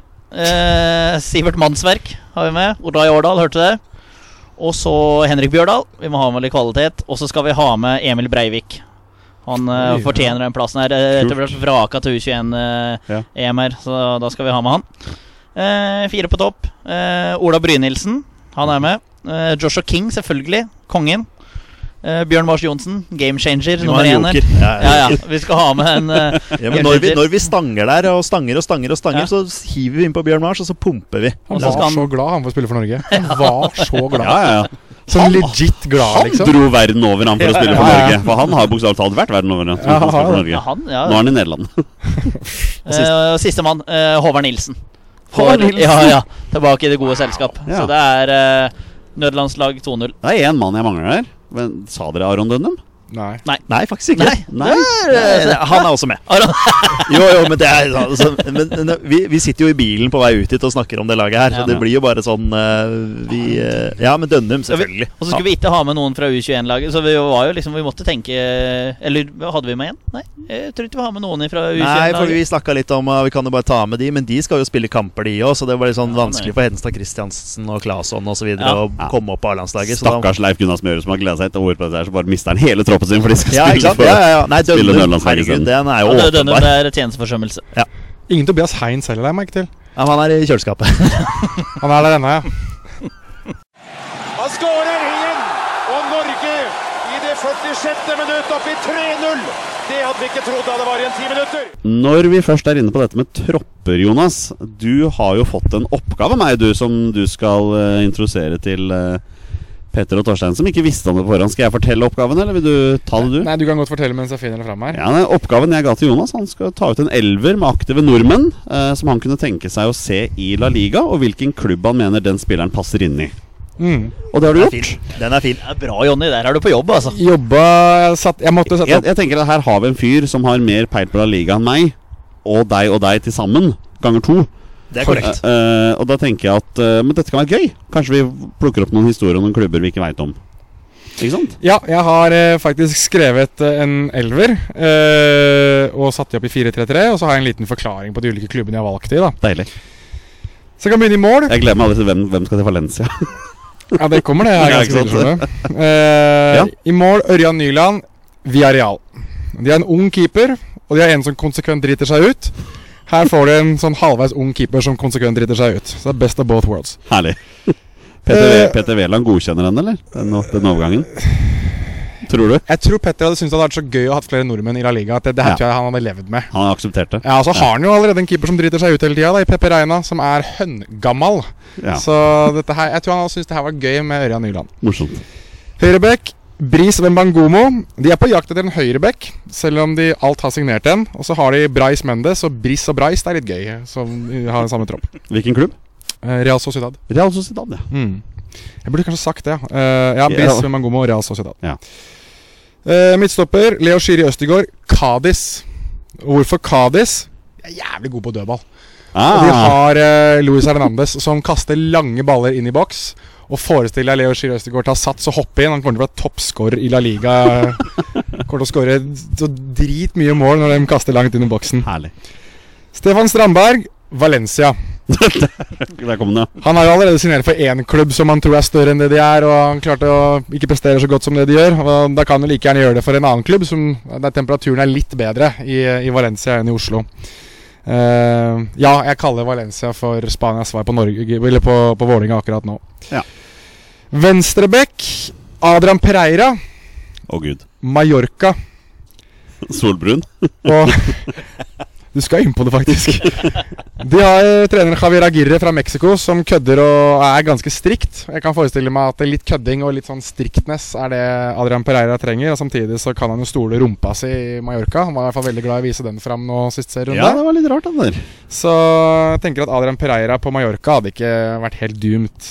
Eh, som anker på midten, mens vi er inne på solbrune, Mathias Nordmann, Las Palmas. Mannen elsker jo å gå i baris. Han har så mye tattiser å vise fram, og han har lyst til å være solbrun hele året. Um, altså Se for deg han på Granca. Spille kule og så ut på Puerto Rico på byen etterpå. Det er jo helt perfekt. Jeg tror vel ikke dama hans hadde hatt noe mot å være tilbringe tiden på Las Palmas heller. Nei, nei, men altså, er det noe som er bedre enn det her? Det veit ikke jeg, altså. Sentral på midten, Fredrik Aursnes, Atletico Madrid. Ah, Og hvorfor velger jeg Atletico Madrid? Jo, fordi jeg husker ikke om han spilte i Molde eller i Feyenoord. Så ble han koblet med Atletico Madrid, og det sto i VG. ah. Og da sendte jeg eh, tekstmelding til sport... Dette er sagt on record før, så det er ikke noe problem å si on record en gang til. Jeg sendte melding til sportsdirektøren i Atletico Madrid og spurte han om dette her. Altså Jeg sa vi er en norsk podkast. Nordmenn i Spania hadde vært gøy. Jeg må spørre om det er noe hold i dette, om vi kan rapportere noe. Da skrev han tilbake. Jeg har ikke engang hørt om spilleren. han har hørt om han nå, tror jeg. Ja, nå, ja. Um, og derfor så tenker jeg at det hadde vært gøy om han endelig fikk overgangen sin til Atletico Madrid. Det har vært en fet overgang. Den hadde likt. Uh, den andre på midten, også en overgang som kanskje potensielt uh, hadde kunnet, kanskje kan skje. Uh, Sander Berge, Sevilla.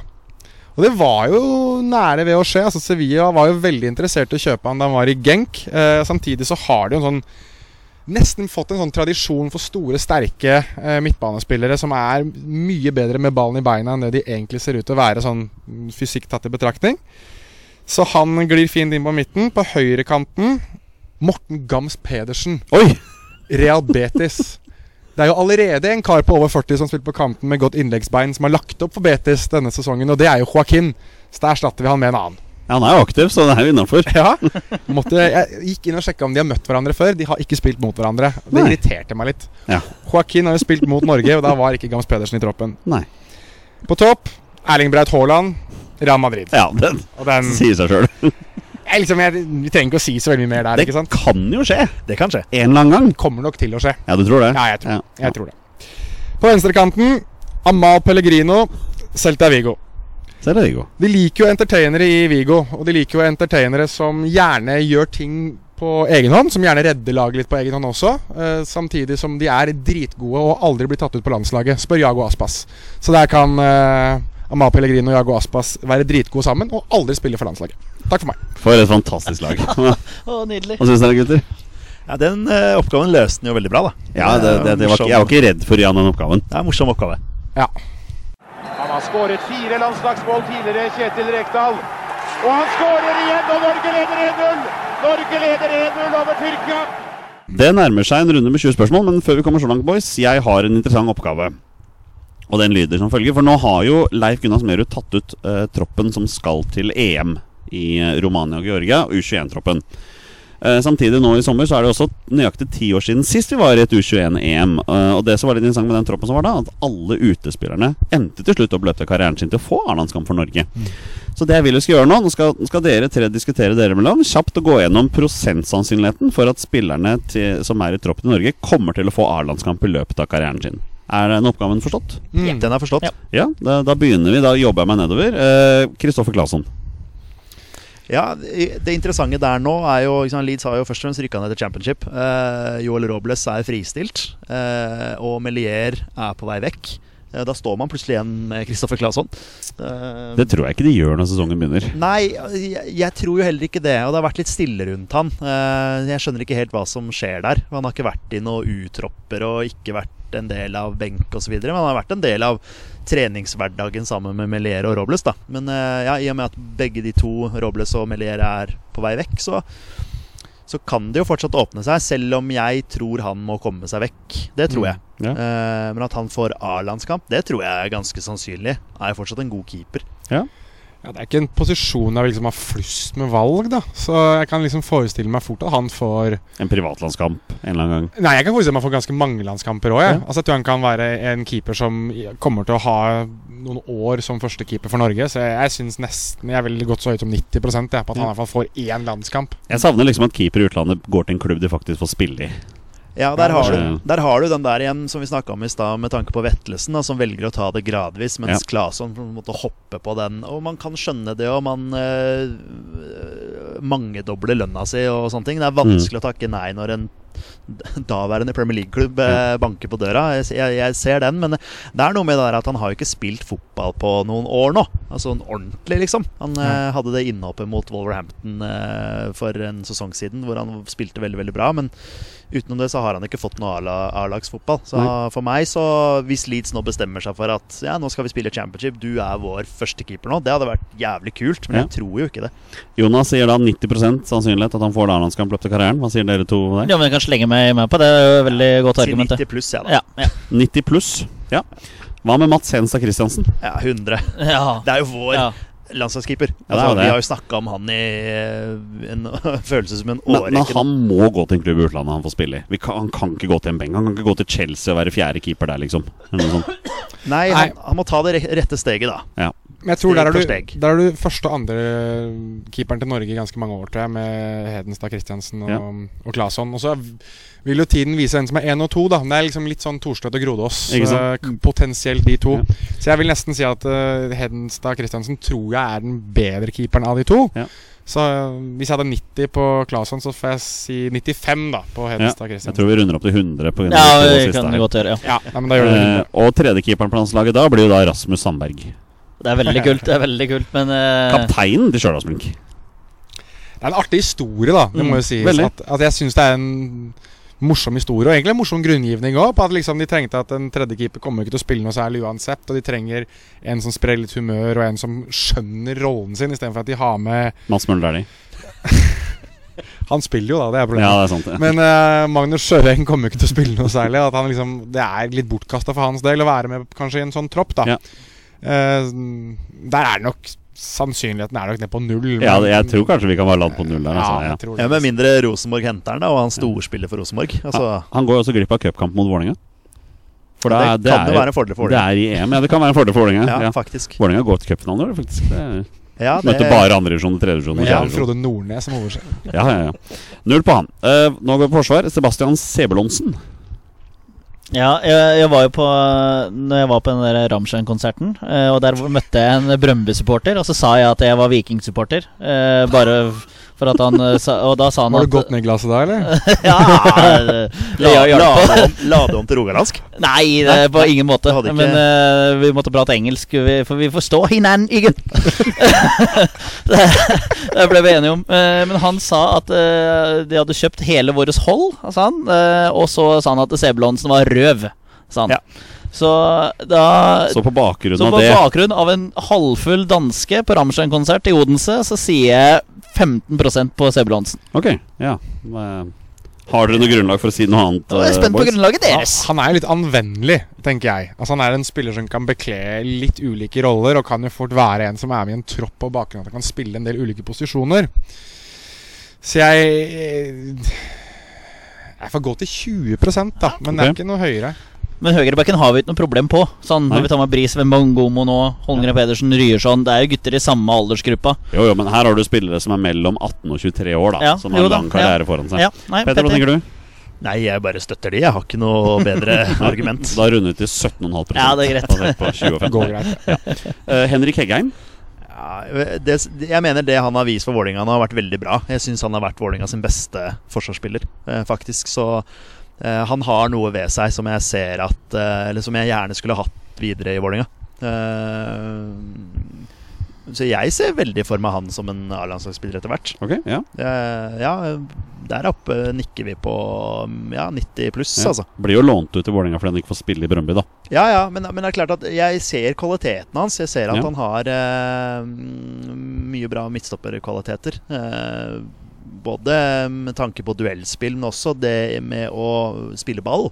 Altså god med ballen. Ja. Så jeg syns han har vært veldig bra.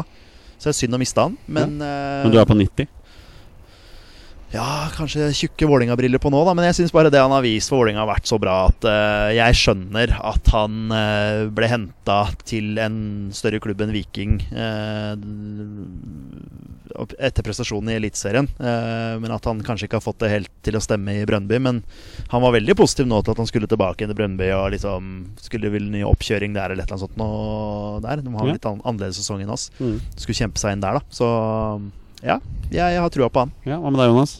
Jeg er ikke så stor fan, jeg. Nei. uh, Det er lov å si det. Nei, jeg altså Ikke min type stopper. Uh, jeg kan fint være enig i at han har fotballkvaliteter, liksom. Og det er god med ballen i beina og en spillende stopper.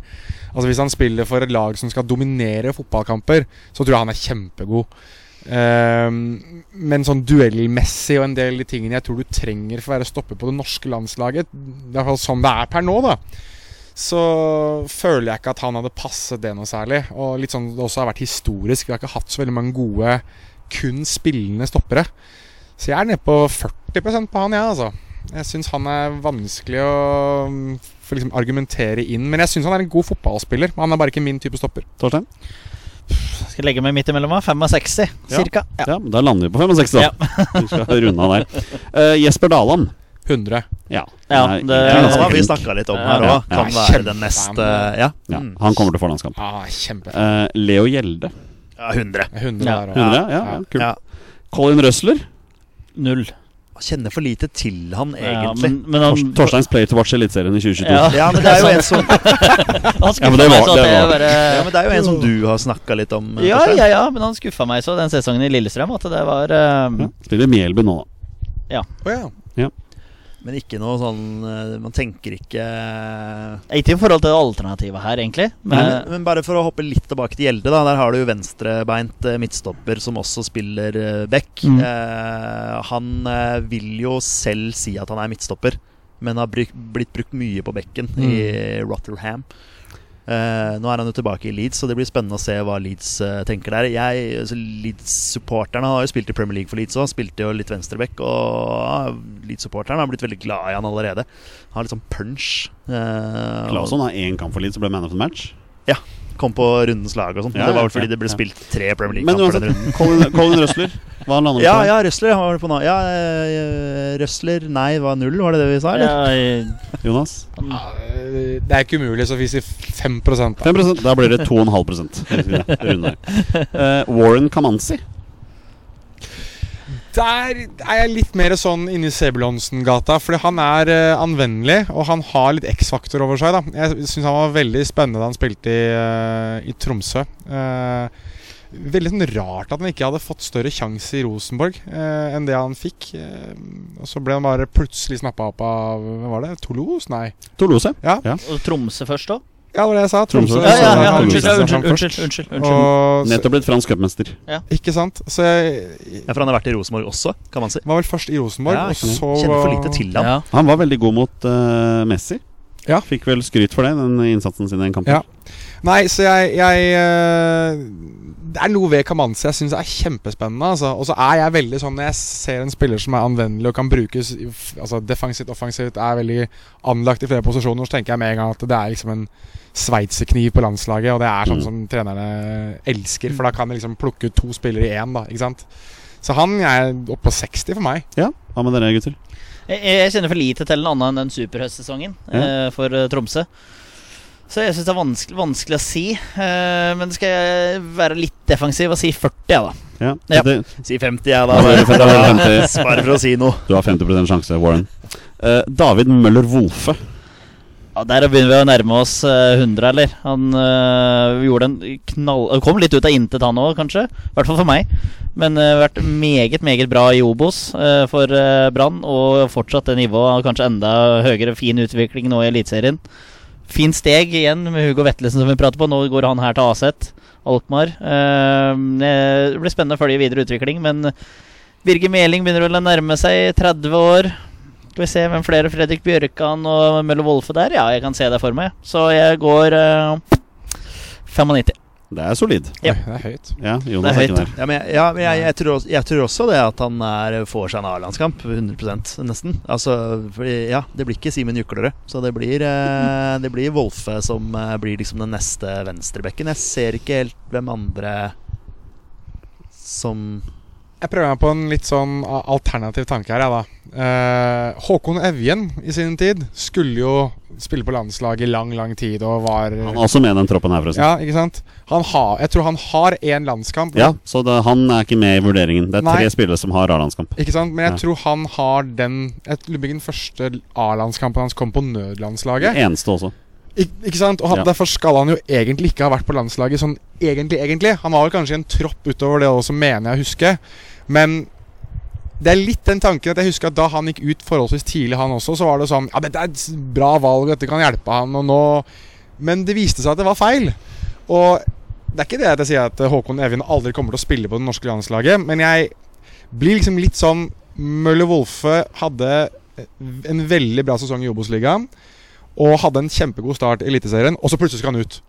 Jeg bare blir liksom litt sånn hmm, Er det litt tidlig sånn på bakgrunn av prestasjonsnivået hans? Så jeg eh, Altså, det, det blir Med tanke på posisjonen så spiller han nok én landskamp, ja, men eh, bare for sånn eh, argumentets skyld, da, så vil jeg si 50 jeg. Oi, Men så gikk vel Håkon Evjen til Aset òg? Gjorde det ikke det? Så det er kanskje Jo, samme klubb? Ja, så det er faktisk samme klubb. Men det er mange nordmenn som har gått til Aset og gjort det bra. Jonas Svensson gjorde det bra. Mitsjø gjorde det bra. Ja. Ja, Markus Ja. Henriksen, eller? Uh, ja, Markus, ja. Markus Henriksen var god der. Det stemmer. ja Bjørn. Mars var Bjørn. Mars var ikke god der. Men eh, ja. Ok, ja, men da er vi på sånn 75% da, sånn cirka. Da er vi ferdig med forsvar. Eh, Johan Hove. Han er du veldig glad i, Ja, er veldig glad i Johan Hove. Det er min mann. Um, Han har det bra for Groningen, men rykka de ned da? Ja, men han har sikra seg en klausul der, så det kan lukte på noe Han kan ikke spille i noe Hva heter det? Blir det vel da? Hva er det blir for noe i andredivisjon i Nederland? da? Vi kaller det for nederlandsk andredivisjon. vi. Ja, det kan tror. Jeg tror, tror vi gjør det. Er det det som er Erste Liga? Ja, er det Erste, ja, er det Erste, Erste. Erste divisjon? Kanskje? Nei, jeg vet ikke. Nei, Det er nederlandsk ja. andredivisjon. Ja, uh, han eh, får uh. Tøft på midten der, da. Men Johan Hove får seg vel en landskamp. Ah, 85. Petter? Ja, jeg må bare støtte Torstein her, fordi jeg vet Torstein er veldig glad i Hove. Så ja. Jeg tror Jonas er òg. Nei. Nei. Eh, Null Han prosent. han har bare henta inn her for å være uenig, og det liker, jeg- det liker jeg egentlig. Nei, Det syns jeg er jeg- fint. Er du Trevor Morley? Nei, jeg er, ikke, jeg, er ikke, jeg er ikke det jeg misliker Johan Hove, men jeg klarer ikke helt å bestemme meg for hvor god jeg syns han egentlig er. Ehm, han var helt ekstremt spennende tidlig i karrieren sin, og så hadde han liksom en dupp, og så var han på vei til Italia på et tidspunkt, og så gikk ikke det. Så, Herman Stengel du snakker om nå, eller? ja, ikke- langt unna. Nei. Litt sånn likt uh, lik karriere på en måte. uh, liksom sånn, kan vi kanskje kalle Herman Stengel for sånn First Price-utgave av Johan Hove, sånn egentlig, med tanke på at Stengel aldri gikk ut. Ehm, jeg syns det her er vrient. ja. Nei, da tar du det første du tenker på. Nei, jeg sier 60 jeg, da. Ja, men det er ikke dumt. Ja, jeg gjør det. Altså, sånn fordi han 70. Det bor jo noe i han, åpenbart. Kjapt overunna. 72,5 eller et eller annet sånt. Ja. Ja. Eh, denne tror jeg nok ble null. Tobias Christensen.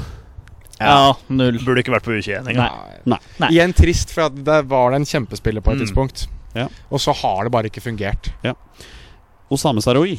Ja, det må jo være 100, eller? Hæ? Vi sliter med kantspillere. Han kan dra av en mann og to og tre i en telefonkiosk, holdt jeg på å si. Han har jo det der, den X-faktoren som Ja. vi trenger. Dere to sier 100, da sier vi Jonas 25, eller noe sånt. da Her kommer det en audible. 100 for Marokko. Ja, ja, ja, ja, ja, men det kan godt hende. Jeg tror han ikke kommer med på det norske landslaget, og så kommer Marokko på banen. Og her tror han spiller for Marokko, ikke Norge. Så svaret ditt i denne diskusjonen her er null, da. Fordi Null- vi, det, er, null for det er Norge. Norge vi driver og liker det. jeg liker det fordi, men, men hvorfor blir han ikke tatt ut for Norge? Er det pga. fysikken? Ser Marokko noe der som Norge ikke ser? på en måte? tipper at Jeg kan nesten til og med forestille meg at Forestille meg jeg, jeg, Dette vet jeg ikke. Uh, men jeg kan forestille meg at hvis han får valget mellom Norge og Marokko nå, så vil jeg nesten tro han ville valgt Marokko fordi at de spiller i mesterskap. De gjorde det så bra i VM, og det vet vi De jo er bedre enn allerede. Norge. Altså, ja, bedre enn Norge. De har en, en landslagstrener som er veldig ivrig på det å hente inn spillere fra diasporaen. Altså hente inn eksilmarokkanere, hvis jeg kaller det for det. Ehm, så jeg kan forestille meg at han får en call-up på landslaget. Så jeg, jeg, eh, jeg tror han spiller for det marokkanske landslaget. Jeg har en feeling på det. Vi sier 100 der, vi. For det er jo to stykker som sa det. Ja. Noe Si 100, du. Vi sier det. Han får A-landskamp. Han får A-landskamp. Ja, Ferdig. ja. Vi kan tvike litt på den. Uh, Markus Solbakken. Det blir litt rart, eller? Ikke, fall- ikke så lenge Ståle er sjef, i hvert fall. Er det den der hvor Facebook-statusen burde være 'It's complicated'? Men han men Midt, der- midtbanen er vrien, Ja, altså. ja, men der er jeg litt Der eh, Jonas er på Johan Hove. Jeg ser Jeg, jeg kanskje trenger briller, men eh, jeg ser ikke hva Markus Solbakken er så utprega god på. eh, som gjør at han eh, kan forsvare en plass på landslaget nå. Altså kan det skje ting, for all del, men eh, Nei, eh, jeg trodde det skulle gå enda raskere i utviklinga hans enn det har gjort fra eh, overgangen fra Stabæk til Viking. Eh, og kanskje det er Viking som har eh, skuffa litt, jeg vet ikke. Men eh, han eh, sliter jeg litt med å, å også, med å se for meg på et A-landslag. Sånn Så null, altså. Ti, da. Eh, gir ja. den gir en sjanse. Peder? Jeg syns også, også den der er vanskelig. Eh, det er jo bra fotballspiller. Han er jo med på U21. Altså, du blir jo tatt Du spiller fast eliteserie. det er Jeg spiller fast Ja, ja. for et bra, Bra, viking, bra bra eliteserie, ja, ja, vikinglag. så, men men jeg, jeg sliter også med å se liksom den der A-landslagsspilleren der. Det, Mm. det sliter jeg litt med å se. Så jeg er nok litt på samme som deg, eh, Torstein. Men så er det det der hvilke steg tar man videre i karrieren, da. Så blir han en sånn eliteseriespiller, sånn som Herman Stengel, sånn som vi snakka om her nå. Ja. Sånn som aldri liksom blir noe. Eh, kan det bli en sånn type? Vet ikke. Vanskelig. Men jeg, nei, jeg ser han ikke på et A-landslag. Så er det null, da.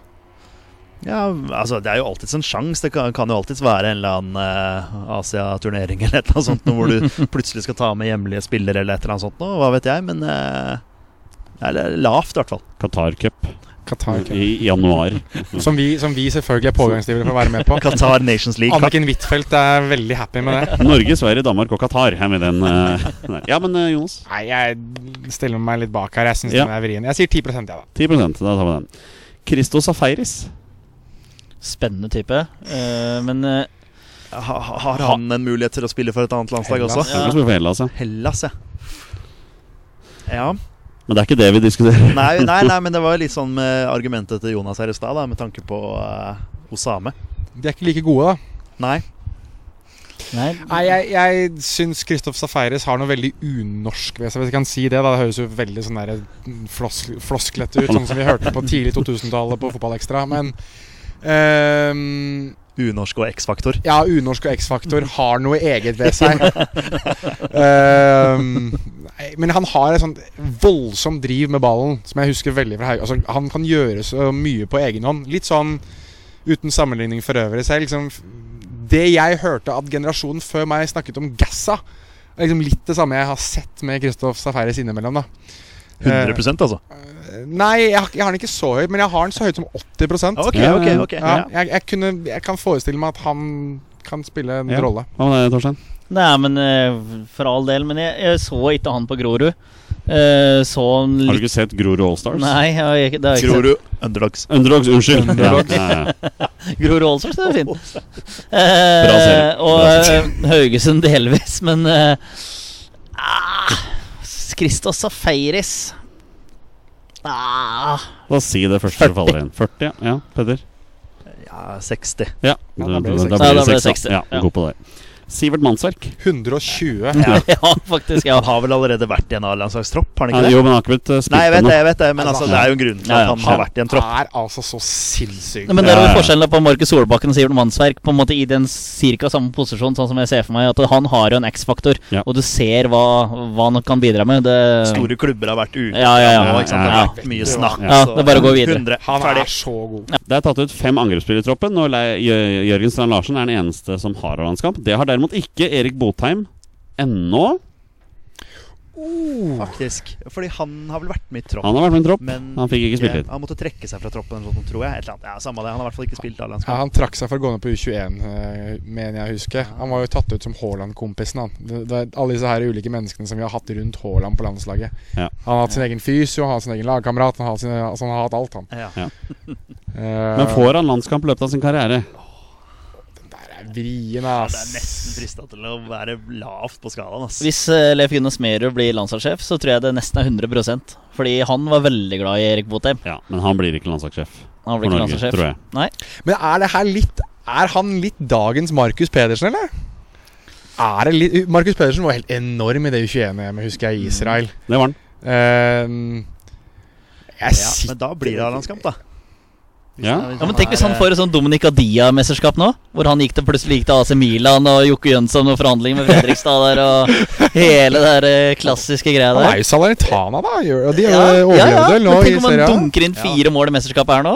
Det er Bøtter inn og plutselig er signert av Monaco. Det er bare Så- så langt fram i tid, og det er liksom bare noe med at uh, vi har liksom Braut Haaland som, som fortsatt bare er 22 Mm. Nå, som kommer til å spille fast i lang, lang, lang, lang, lang tid. Nei, jeg sier 75 jeg på Ja, det er fint. Ja. Erik, hissig, hissig der. Ja. Erik Botheim. Da sier jeg 25. For å bare, bare for å være uenig. Og så får uh, Sier, Petter. sier- jeg er jo, må jo være på deg, ja, da, i og med at jeg også sa at det var litt, jeg var litt lunken her. Så jeg sier 24, da. Da blir det 50.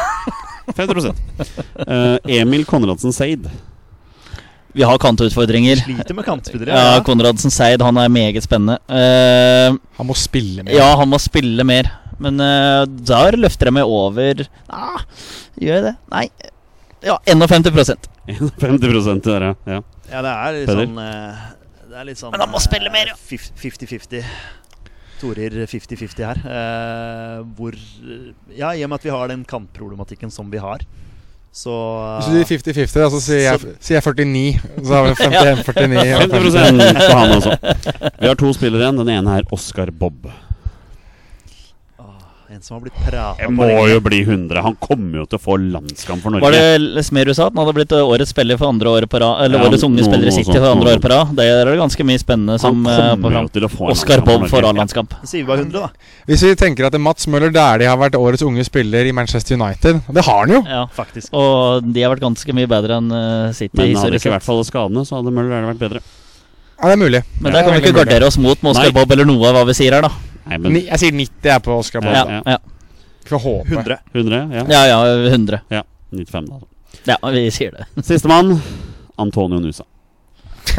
100. 150. Ja, 110 sånn cirka. Paradise Hotel-prosent. Men verdt å merke, han har jo ikke spilt enormt mye for Klubb Brygge. Men nå Så kommer Ronny. Nei, Ja, nå kommer. Ronny, igjen. Er han ikke 12? 12 år, eller sånn? Ja, han blir, han blir 12 og et halvt er han, han har blitt 13. Nei, han fylte 18 nå i april, Ja, okay, okay. så han er jo fortsatt, fortsatt Seriøst, liksom. Nå kan han kjøre bil. Nå Nå kan han, nå han, kan kjøre bil, ja. nå kan han drikke øl. Nei, I Belgia tror jeg du må være 25 for å kjøre bil. Nei, jeg vet ikke. Letting. Men det er troppen, mine herrer. Ja. Eh, U21-troppen i 2013. Da fikk alle utspillerne A-landskamp. Eh, Gjorde de det, altså? alle utspillerne fikk det. Men da var det Var ikke Flamur Kastrati med i den troppen? Uh, ja, altså, jeg har ikke sagt A-landskamp for Norge. Å, ja, han fikk A-landskamp for Kosovo. Han fikk Jeg A-landskamp for hadde, Kosovo. jeg hadde faktisk troppen her. Det var en liten twist her, ja. Eh, Ja, det er, han har fått Ja. kamp for Kosovo, så det, det stemmer det i så fall. Men på den tiden der så var det mye sånne der Asiaturneringer, sånn januarturnering hvor Norge spilte sånn eh, Holdt på å si litt sånne jalla-kamper. Eh, Men jeg tipper at det her er riktig hvis du For Abdi Ibrahim fikk vel også én landskamp for Norge eller noe sånt. Kastrati, ja, han er med, da. Ja. Jeg kan ta hele troppen, da. Kjapt. Ja. Martin Linnes. Thomas Rogne, Stefan Strandberg, Vegard Eggen Henestad, Omar El Abdelawi, Harmet Singh, Jo Inge Berge, Valon Berisha for to landslag. Markus Pedersen, Håvard Nilsen, Ørjan Nyland, Markus Henriksen, Fredrik Sem Berge, Håvard Nordtveit, Jan Erik Dilanli, Anders Konradsen, Magnus Wolff Eikrem, Flamur Kastrati, Stefan Johansen, Joshua King og Abdi Ibrahim. Har Jan Erik Delandli spilt for det norske landslaget? Det har han. Fem kamper, til og med. Ja, han var jo god, han. What?! Ja, og et mål. Han var jo bra. Han var bra før han gikk til Rosenborg. Ja, så ble han kneskadd med en gang i Rosenborg. Det her må jeg ha gått glipp av. Jeg må ligge og sove. Jeg har vært i Du kan ikke få med deg alt heller. Nei, jeg kan ikke det. Men, uh, Tenk jeg, at, tenk at Abdi Ibrahim har A-landskamp. men jeg, har en morsom, jeg har en morsom kuriosa om det laget der. Ja. Eh, det var jo egentlig en spiller som ble tatt ut på det landslaget, som måtte melde forfall. Uh, og jeg vet ikke om noen kan, kan Nå har jo åpenbart Jonny Hayo sitter jo med fasit. Fasit. Men jeg kan jo spørre dere om dere vet hvem det var som egentlig skulle spille på det landslaget. Han ble aldri noe etter dette her. Man var tatt ut på landslaget for uh, Du må, du må si posisjon, tror jeg. Han forsvarsspiller. Det- det forsvars, forsvarsspiller. Det hjelper ikke. Skal telle kaste Tommy Høiland, men uh, Forsvarsspiller. Spilte aldri på landslaget for Norge. Spilte aldri på landslaget for noe annet. Han var ikke kvalifisert for et annet Nei, landslag. dere, dere kommer ikke til å ta han, gutter. klubb, da? På det tidspunktet der så må han vel ha vært i Lillestrøm, tror jeg. Nei, ja, han var i Hønefoss. I Hønefoss på det tidspunktet der, ja. Så han for, Men Da har dere du to av klubbene hans. Hønefoss og Lillestrøm. Ringer det noe bjelle hos deg, Torsegutt? Han har ikke spilt for Lillestrøm, nei. Har ikke spilt for Lillestrøm. Var han ikke Lillestrøm? Han var Lyn han var i. Han har vært i Lyn, ja. Lyn til Hønefoss. Lyn. Hønefoss, Sarpsborg, og så avslutta han karrieren sin i Hønefoss i 2018. Han er eh, Jeg tror han spiller nå, ja, faktisk. Eh, det, åpenbart så har ikke Wikipedia blitt oppdatert, eller hvor det er du titter på dette her. Men jeg lurer på om han er på Færøyene nå, jeg. Å ja, det kan hende. Ja. Færøyene nå? Jeg tror vi bare skal Det si er det. Er Vegard Forhen som er på Ser jo for meg noe sånn uh, lyn med noe sånn smartklubb-logo her, men uh, Det er helt riktig. Men uh, noe navn, det var vanskelig akkurat nå. Det er, det er Initialer. Trekker tilbake det jeg sier. Han spiller faktisk fast for Hønefoss i tredjedivisjon akkurat nå. Er han der nå, ja? Der er noe Jeg mener han har vært innom en klubb i, på, i, på Det kan, det kan godt hende. Eller Island, eller noe Ja. sånt. Få ja. initialer, da, så skal jeg gi meg. AG. AG. Men han het AH. Han byttet Hva i all verden er det her for Nei, bare si det, Jonas. Alexander Groven. Ja, venstrebein til venstre- venstrebekken. Ja. Yes. Ja. Han, han skulle han var jo så god. egentlig være med i troppen, men trekke seg med skade og ble erstattet av Markus Henriksen. Ah.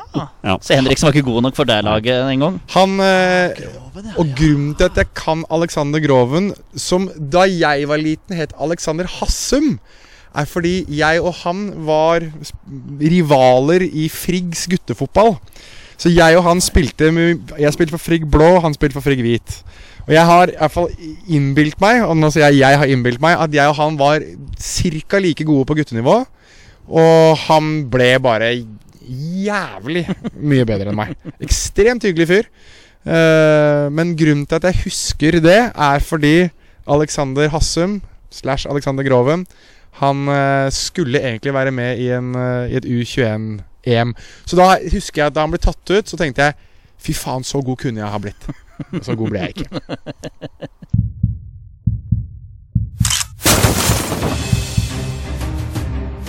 Er han nåværende landslagsspiller? Er han utenlandsproff? Er han fortsatt aktiv? Er han back? Har han spilt for Rosenborg?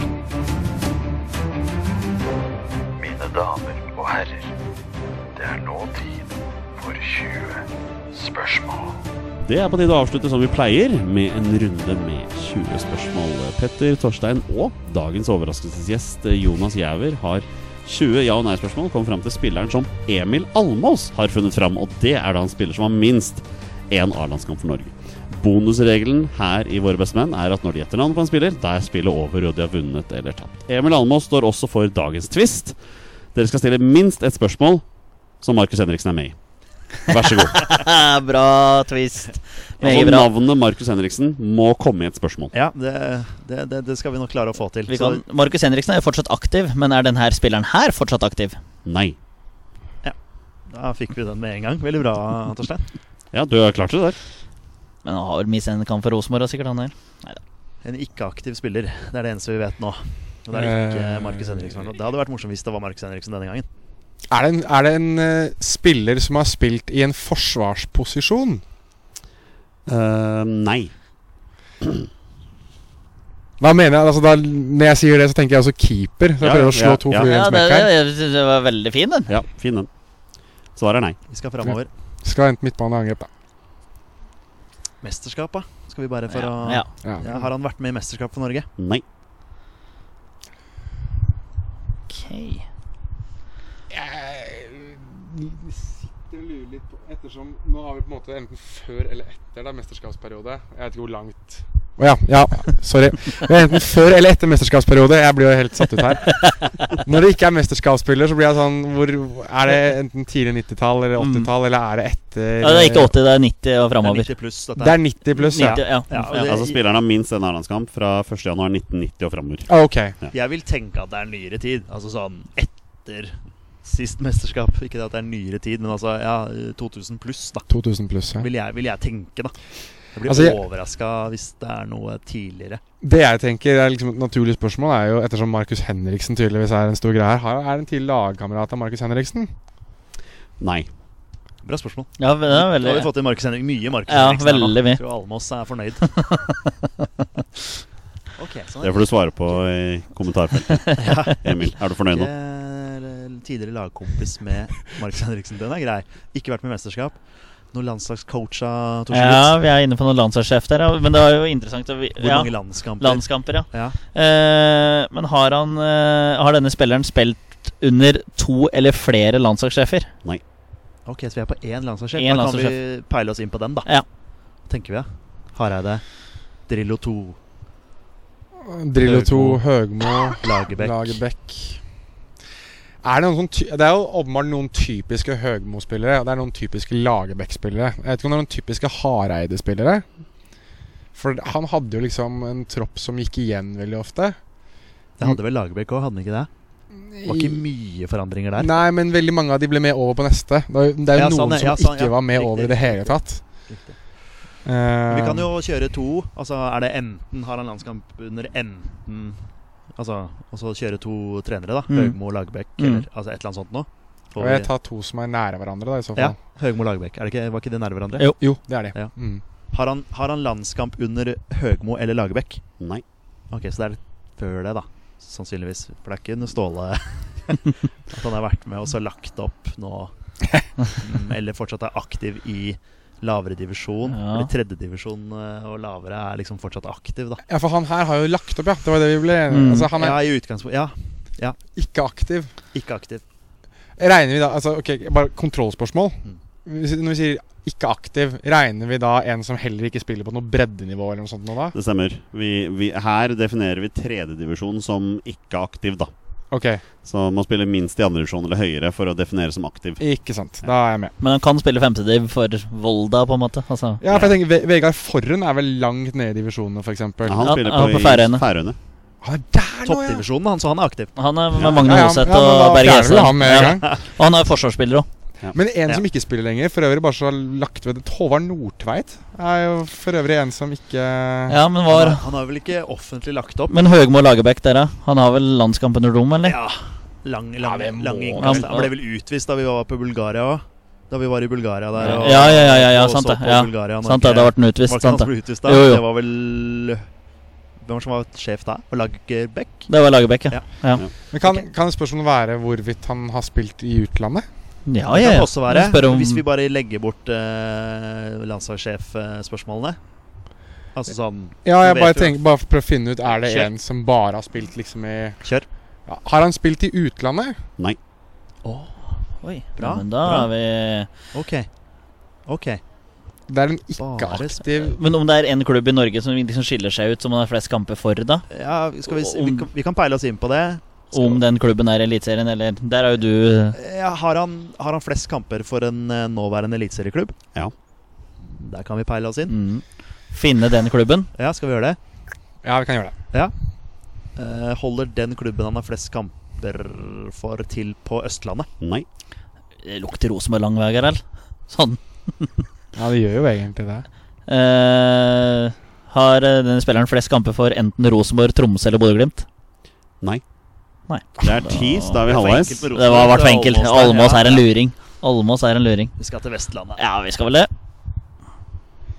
Ikke aktiv som Ok, jeg må Ikke aktiv som ikke har vært i utlandet.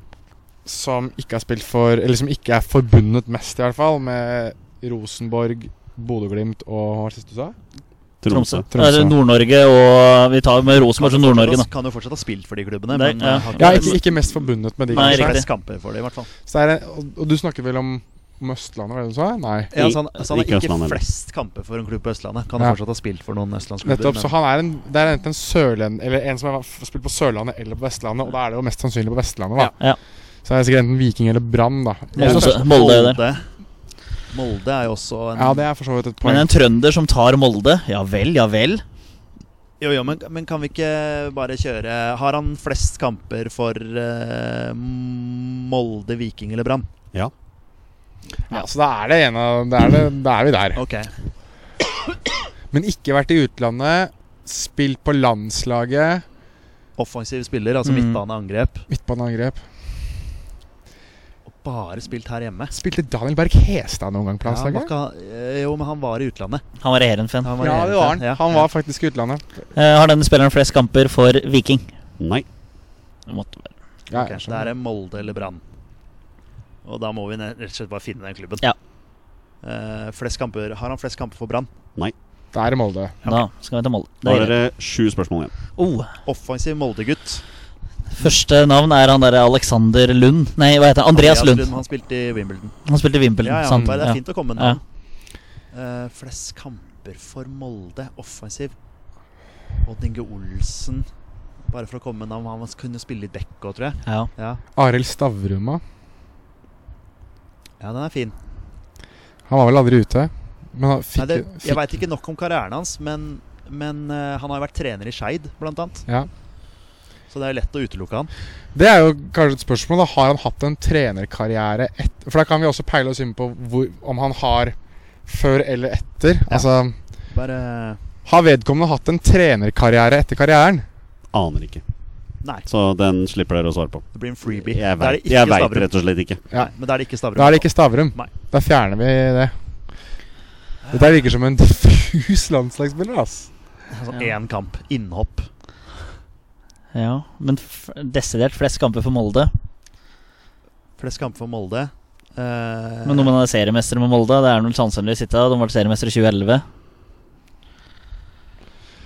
Var det noen av Ja, men hvis, ikke, hvis man ikke aner hvorvidt han har hatt en trenerkarriere Ja. men, kan vi, men kan vi bare uh, Landslagssjefen, da? Men, men kan vi Altså, bare Mest sannsynlig har han ikke hatt det. Jeg, jeg har ikke hørt om at vedkommende har hatt det. Nei. Men vedkommende kan jo ha vært Kan jo ha vært det i lavere divisjoner. Jeg Ja. vet ikke. Det er derfor jeg sier at jeg Ikke noe profilert trenerkarriere, i hvert fall. Nei. Men kan vi finne ut konkret posisjon? Hjelper det? Liksom Vi vet at Det- det, er en spiss, liksom. Er det lettere for oss? På. Snakker vi her om en angrepsspiller, Olsen? Uh, Nei. Vi er på midtbanen. Så det er en midtbanespiller. Midtban- altså. midtbanespiller. En midtbanespiller for Molde. Uh, Petter Ruud er utenlandskarriere. Ja. Ja. Eh, Magne Hoseth, utenlandskarriere. ja. Bare for å komme Ja. navn her. Hestad har vi vært innom. Karl Oskar Fjørtoft. Det er et godt uh, navn. Har han spilt på landslaget? Vet ikke. Jeg kan ikke alle som har spilt på landslaget. Nei, det er derfor vi har 20 spørsmål. da Plutselig dukker det opp noe sånt her. Å ja! Nei, jeg tror ikke det er Karl Oskar Fjørtoft. Nei, for han har vel hatt en trenerkarriere òg, tror jeg.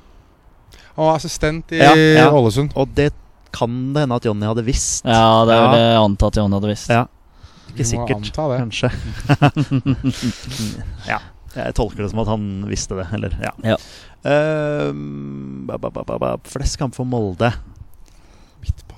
Midtbanemann. Midtbanemann. Ja, midtbanemann der. Jeg prøver å tenke noe landslag her. Drillo 2. Hvem er det som, hvem er det du tar ut i landslagstroppen? Ja, ikke sant? Åge Hareide. Når Molde ikke er noe særlig, men så ble Ja. Altså, jeg begynte jo med en gang å tenke på Harmet Singh plutselig. ja. Han, Mm. Er han aktiv lenger nå? Han har utenlandskarriere, eller? Utenlandskarriere. Han er utelukka. Det har han, ja. ja. Det er fint at du stiller navn. Ja, det Ja, er det veldig er bra. bra. Det er Og bra. mest kjent for Vålerenga òg, kanskje. Ja, men det er ikke sikkert han har flest kamper. Nei, han det har er ikke sikkert det. da. Han har sikkert Ja. flest kamper for Vålerenga, men uh, Han var ganske lenge i Molde, skjønner du. Det er, Ja, det, ikke sant? det er det jeg tenker. Ja. At det er mulig at han Men det er fortsatt ikke han. Nei. Det Nei, det er jo ikke det. Utenlandskarriere. Nei, ja, ja. Han her har bare spilt Jævlig glad for de stilte det spørsmålet. Ja, ja, veldig bra. Ja, Ja, vi faktisk. kan- Ja. Vi kan bare holde oss her. Uh, Men hvor er det vi går videre? Eh, om han er mest kjent for Molde. Altså bare sånn Kan hende at han er mest kjent for å ha spilt for en annen klubb? Jeg vet ikke, jeg. Nei. Du har flest kamper for du Jeg kjenner nesten at du burde spørre når I hvilken tidsepoke har han spilt landskamper? Ja. Altså Har han Ja. spilt landskamper på 2000 til 2010 eller 2010 til 2000 og Ja, Men vi kan også finne ut med landslagssjef, da. Ja, det ja, kan du. for det er jo Drillo Ja, ja. eller Hareide nå, egentlig. vi, har, vi har jo ikke hatt så mange landslagssjefer. Nei. Altså sånn eh, Nå har vi utelukka Høgmo Lagerbäck. Ja. Solbakken er det jo ikke. Nei. Det er, Kan jo ikke være det. Men vi finner jo det Eller er det en eller annen luring som har blitt tatt ut igjen? Men hvis dere da stiller et tidsepokespørsmål, så får dere jo svare på det. Ja, Ja. det gjør vi jo. Har Har han, ja, Eller Torstein? ja, ja, men har han vært aktiv på landslaget mellom 2000 og 2010, da? Nei. Oi, helvete. Da skal vi på før, da. Vi må jo det, da? Eller?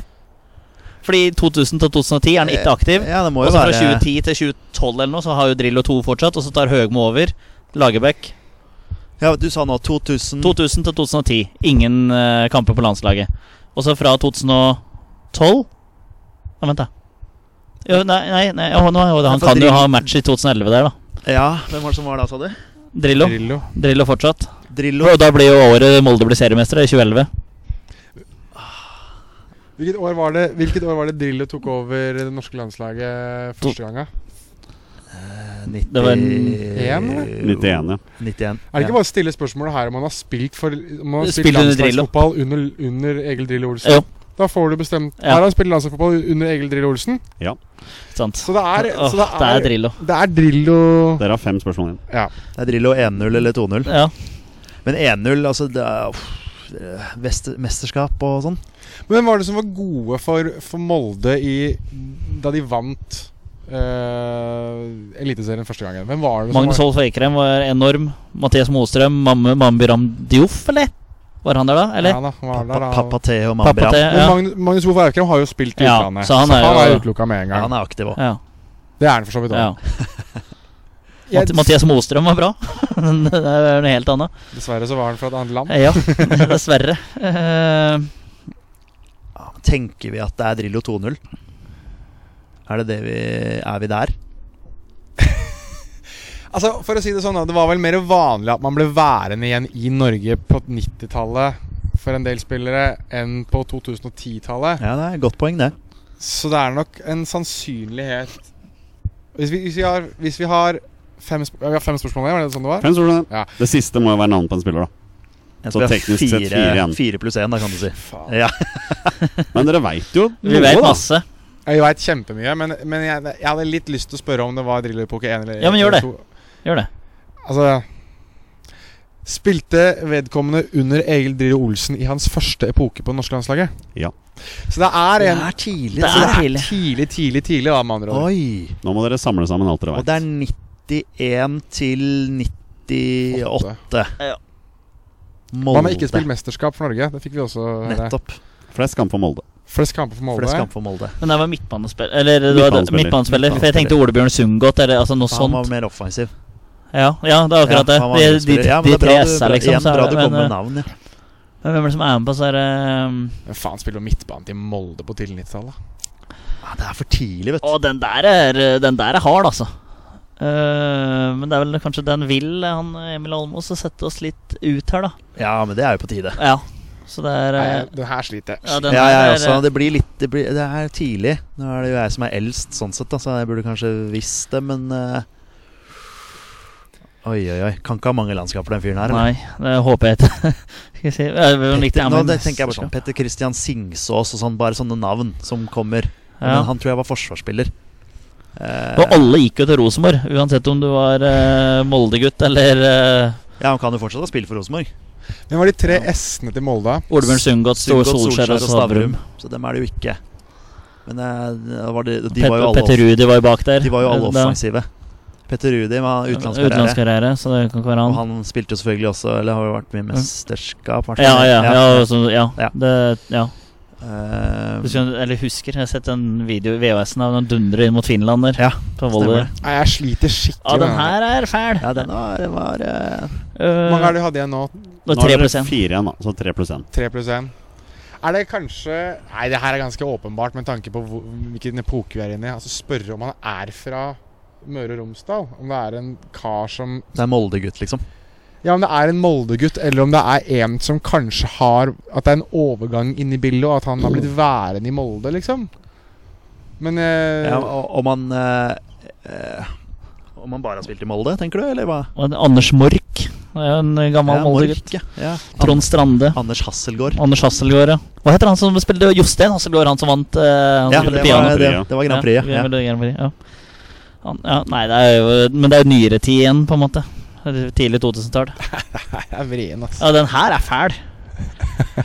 Jeg har Det verste er at jeg veit ikke hva jeg skal stille spørsmål om heller, sånn egentlig. Nei. Fordi at jeg har ingen navn som popper opp i huet mitt. Dette blir, for, dette blir før min tid igjen, kjenner jeg. Men ja, vi utelukka Kaos.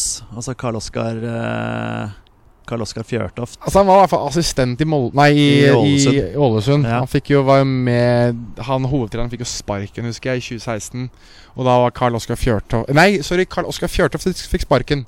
De skulle gjøre noe Ålesund for å endre på hvordan det gikk med dem da, for de gjorde det så dårlig. Og da sparka de assistenten sin. Ja, det var det. Ja, og det var jo et helvetes bråk. Men det er jo det eneste navnet vi for så vidt har. Ja, men så eh, En trenerkarriere, ja. Tror Jonny hadde visst Ja. det. Altså sånn Ja, Men ja. Men, jo, jo, ingenting Ja, han hadde ja. visst Han hadde visst. ja, Han hadde visst. fordi, fordi, ja, fordi ja, det er et så stort navn også, Mm. så man vet at han har vært i trenergjerningen. Så det er ikke han. Vi legger bort han. Og den her er uh... Du, du sa Thomas Mork. Thomas Mork, Men men, det er det, er seinere. Ja. Ja. Tenk nå ut tre spørsmål dere kan uh, Dere kan stille dere. Altså, jeg begynte å gå på Vålerenga-kamper i 95. Ja. Ikke sant? Eh, jeg prøver liksom å tenke tilbake på den tiden der hvor Vålerenga spilte mot Molde. Ok, jeg har potensielt sett Fordi vi vet jo at Molde, Molde vinner jo ikke seriegull før i 2011. Vedkommende har jo ikke vært med på det. Så hvis vi stiller spørsmål om han har vunnet seriegull i Norge, så kan vi kanskje plukke han til en annen klubb eventuelt. ja, det blir jo Rosenborg, det, da. Fra Kult spørsmål. Ja, det det er er ikke ofte vi får. Ja, men Har han vunnet seriegull i Norge? Ja. Så det er en som har gått i Ah, yes. Rosenborg, da, fra Molde, mest sannsynlig. Ja, kanskje. var Bent Inge Johnsen. Hvem er det som har vært på utlån der, da? Han øh, øh, Men skal vi finne ut om det er Rosenborg? Ja, det var jo 90-tallet, selvfølgelig. Det var jo bare Rosenborg som vant. Rosenborg vant jo alle åra. Ja. Men altså, han har spilt flest kamper for Molde. Altså Det verste er jo det at det liksom Roar Strand Dos vært Santos. utlånt Har til ikke han eh, Nei, han har ikke spilt i Rosenborg. Men han var, ja. Eh, Roar Strand har vært i Roar Strand, ja. Men han har jo Ja. Men, men Fred Dos Santos har vunnet seriegull med Vålerenga, da. ja. Men han har ikke flest kamp for Molde. Nei, det har han ikke. Nei. Det har han ikke. Han spilte Champions League for Molde. Ja, faktisk. Hæ? Freddy Doss har spilt Champions League for Molde. Ja, Champions League. Jeg syns det er Champions League-finale. Nei, det er det da bare begynte jeg å lure. Det var Hassan El Fakiri, det. Det var Hassan El Fakiri. Men det her er jo en som har spilt i Molde og Rosenborg, da. Ja. Her, det er vel kanskje der Det, det er jo hintet, nesten, da. Mm. Eller har han vunnet seriegull med Strømsgodset. Nei, Han har ikke hatt så lang karriere, eller? Han spilte landskamp under Drillo på Ja. 90-tallet. Det er bare Bare Rosenborg som vant. mellom 91 til 98, da. Ja. Han, han må jo ha hatt et ganske kort opphold i Rosenborg, tenker jeg, da. Hvis han har spilt flest kamper. For det er liksom ikke Fredrik Vinsnes. Er liksom ikke, han har også landskamp for Norge under Ja. Drillo. Han er, jeg tror Men det var Drill- tror jeg har Drillo 2. Det var 2-0. Ja. Ja, det var Ja. Drillo 2, må det ha vært. Uff, men nå ble det ja. interessant her, ja. Ja. Han er seriemester. For det er Ja, så det er en Molde-Rosenborg-link her. Ja, Men har Bent Inge Johnsen landskamp? Har han spilt for han- Molde i det hele tatt? Nei, han er Bodø-Glimt, han. Ja, Bodø-Glimt, ja. Ja. Det er i hvert fall min Ja, eh, jeg er enig. jo, jo. enig. To, Midt, to spørsmål igjen, pluss et navn på en spiller. midtbanespiller som har spilt for Molde og Rosenborg. Odin Golsen, du har jo han der. Ja, Du var inne på han. ja, jeg var, ja, ja. Kan Så hende- kan ha spilt midtbane for landslaget. Ja. Kan ha fått en kamp, liksom. Og Inge Olsen er jo Molde. Og så var det med bein, beinet på Tom Jørn. Ja, så fant Ja. ja, for det var han som brakk beinet Han brakk på, Tom beinet Jørn. på Tom Jørn. Det må vi spørre om. Kjør, da. Ja, ja. Brakk han beinet på Tom Jørn? Der har vi den. Dæven. Du nevnte den Vi jo var, veldig tidlig. ja, vi var innom han. den Ja, ja, vi var innom han i stad. Ja visst. Ok, bra. Da har vi den. Deilig. Det var deilig. Jo, tok, tok du til og med med noen spørsmål? uh... Men dæven, du redda men både Ja, men det var bra med den- Ja, det var ja, veldig seriegullet der. Ja, seriegullet. Ja, ikke sant? Har dere noe dere vil spørre meg om nå, gutter? Jonas Ja. har veldig lyst til å spørre om Var det Odd Inge Olsen du sa? Ja. er det ikke et navn du det, kjenner? er det Odd Inge Olsen? Gutter?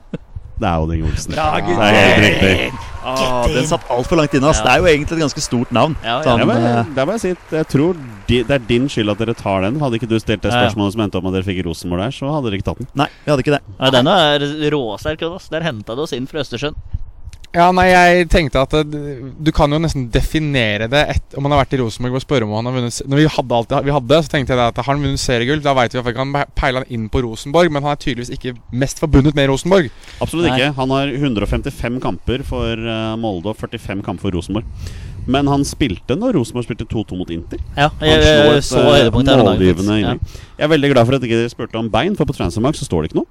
Nei, han er han høyre. oppført med bein, høyre. tydeligvis. Høyrebeint. Men han slo inn til Asa Karadas. Han, var verdens beste. Hamra han inn med huet. Hvor mange landskamper fikk Odd Inge To. Olsen? to. Han fikk to, ja. Det var to, ja. Han fikk eh, syv, syv minutter mot Aserbajdsjan som innhopper for Jostein Flo i 1997. Og så fikk han andre gang mot Colombia i oktober eh, 97. Så det var i Drillos første epoke, og også mot slutten, liksom. da Ja, og Det som er litt fascinerende her, er at han fikk da landskampene sine i en alder av 28 år. Ja. Han, var veldig late bloomer. Han gikk til Molde i 1995. Da var han allerede 26 år, da han spilte for Kolstad, Melhus, Strindheim og Nardo. For han er jo trønder. ja, ikke sant? Um, Åge Hareide uttalte Odd Inge blir årets komet i Tippeligaen. Han har enorm løpskapasitet, rene Leo-motor, men har mye bedre teknikk enn Leo. Her har vi gjort et varp. Og det viste seg å stemme. Da kunne, vi, kunne du stilt et spørsmål om han var fra For du var jo innom det der om han var fra Møre og Romsdal. Ja, da hadde vi jo fått var- nei på det. ja, så, ja, ikke sant? Hmm. Men dere klarte den, gutter. Vi klarte den til slutt. Vi måtte jobbe lenge med den. Det heter jo 20 spørsmål av en grunn. Dere klarte på 19. Ja, Ja. det er innafor, det. Og med det er det på tide å avslutte dagens veldig lange, men gud så koselig episode. Her har vi kost oss skikkelig. Jonas, tusen takk for at du brukte hele tirsdagskvelden din på oss. Nei, jeg, jeg har så mange dårligere måter å bruke den på. Så ja, det var det, dette var bedre. Har dere hatt det bra, gutter? Helt suverent. Storkost oss. Deilig overraskelse, Jonny. Dette var eh, nydelig. Torstein, ifølge min eh, kjappe beregning har du to episoder igjen Eh, Ja, før sommeren. Det er blytungt, altså. ja den er blytungt. Vi avslutter med nakenpod. La oss ikke snakke om det. Nei, la oss ikke snakke om det. Vi- Isteden sier vi tusen takk til alle dere som hører på. Dere er fantastiske mennesker. Vi er våre beste menn. Heia Norge. Heia Norge. Hei, Norge! Hei, Norge. Og hei!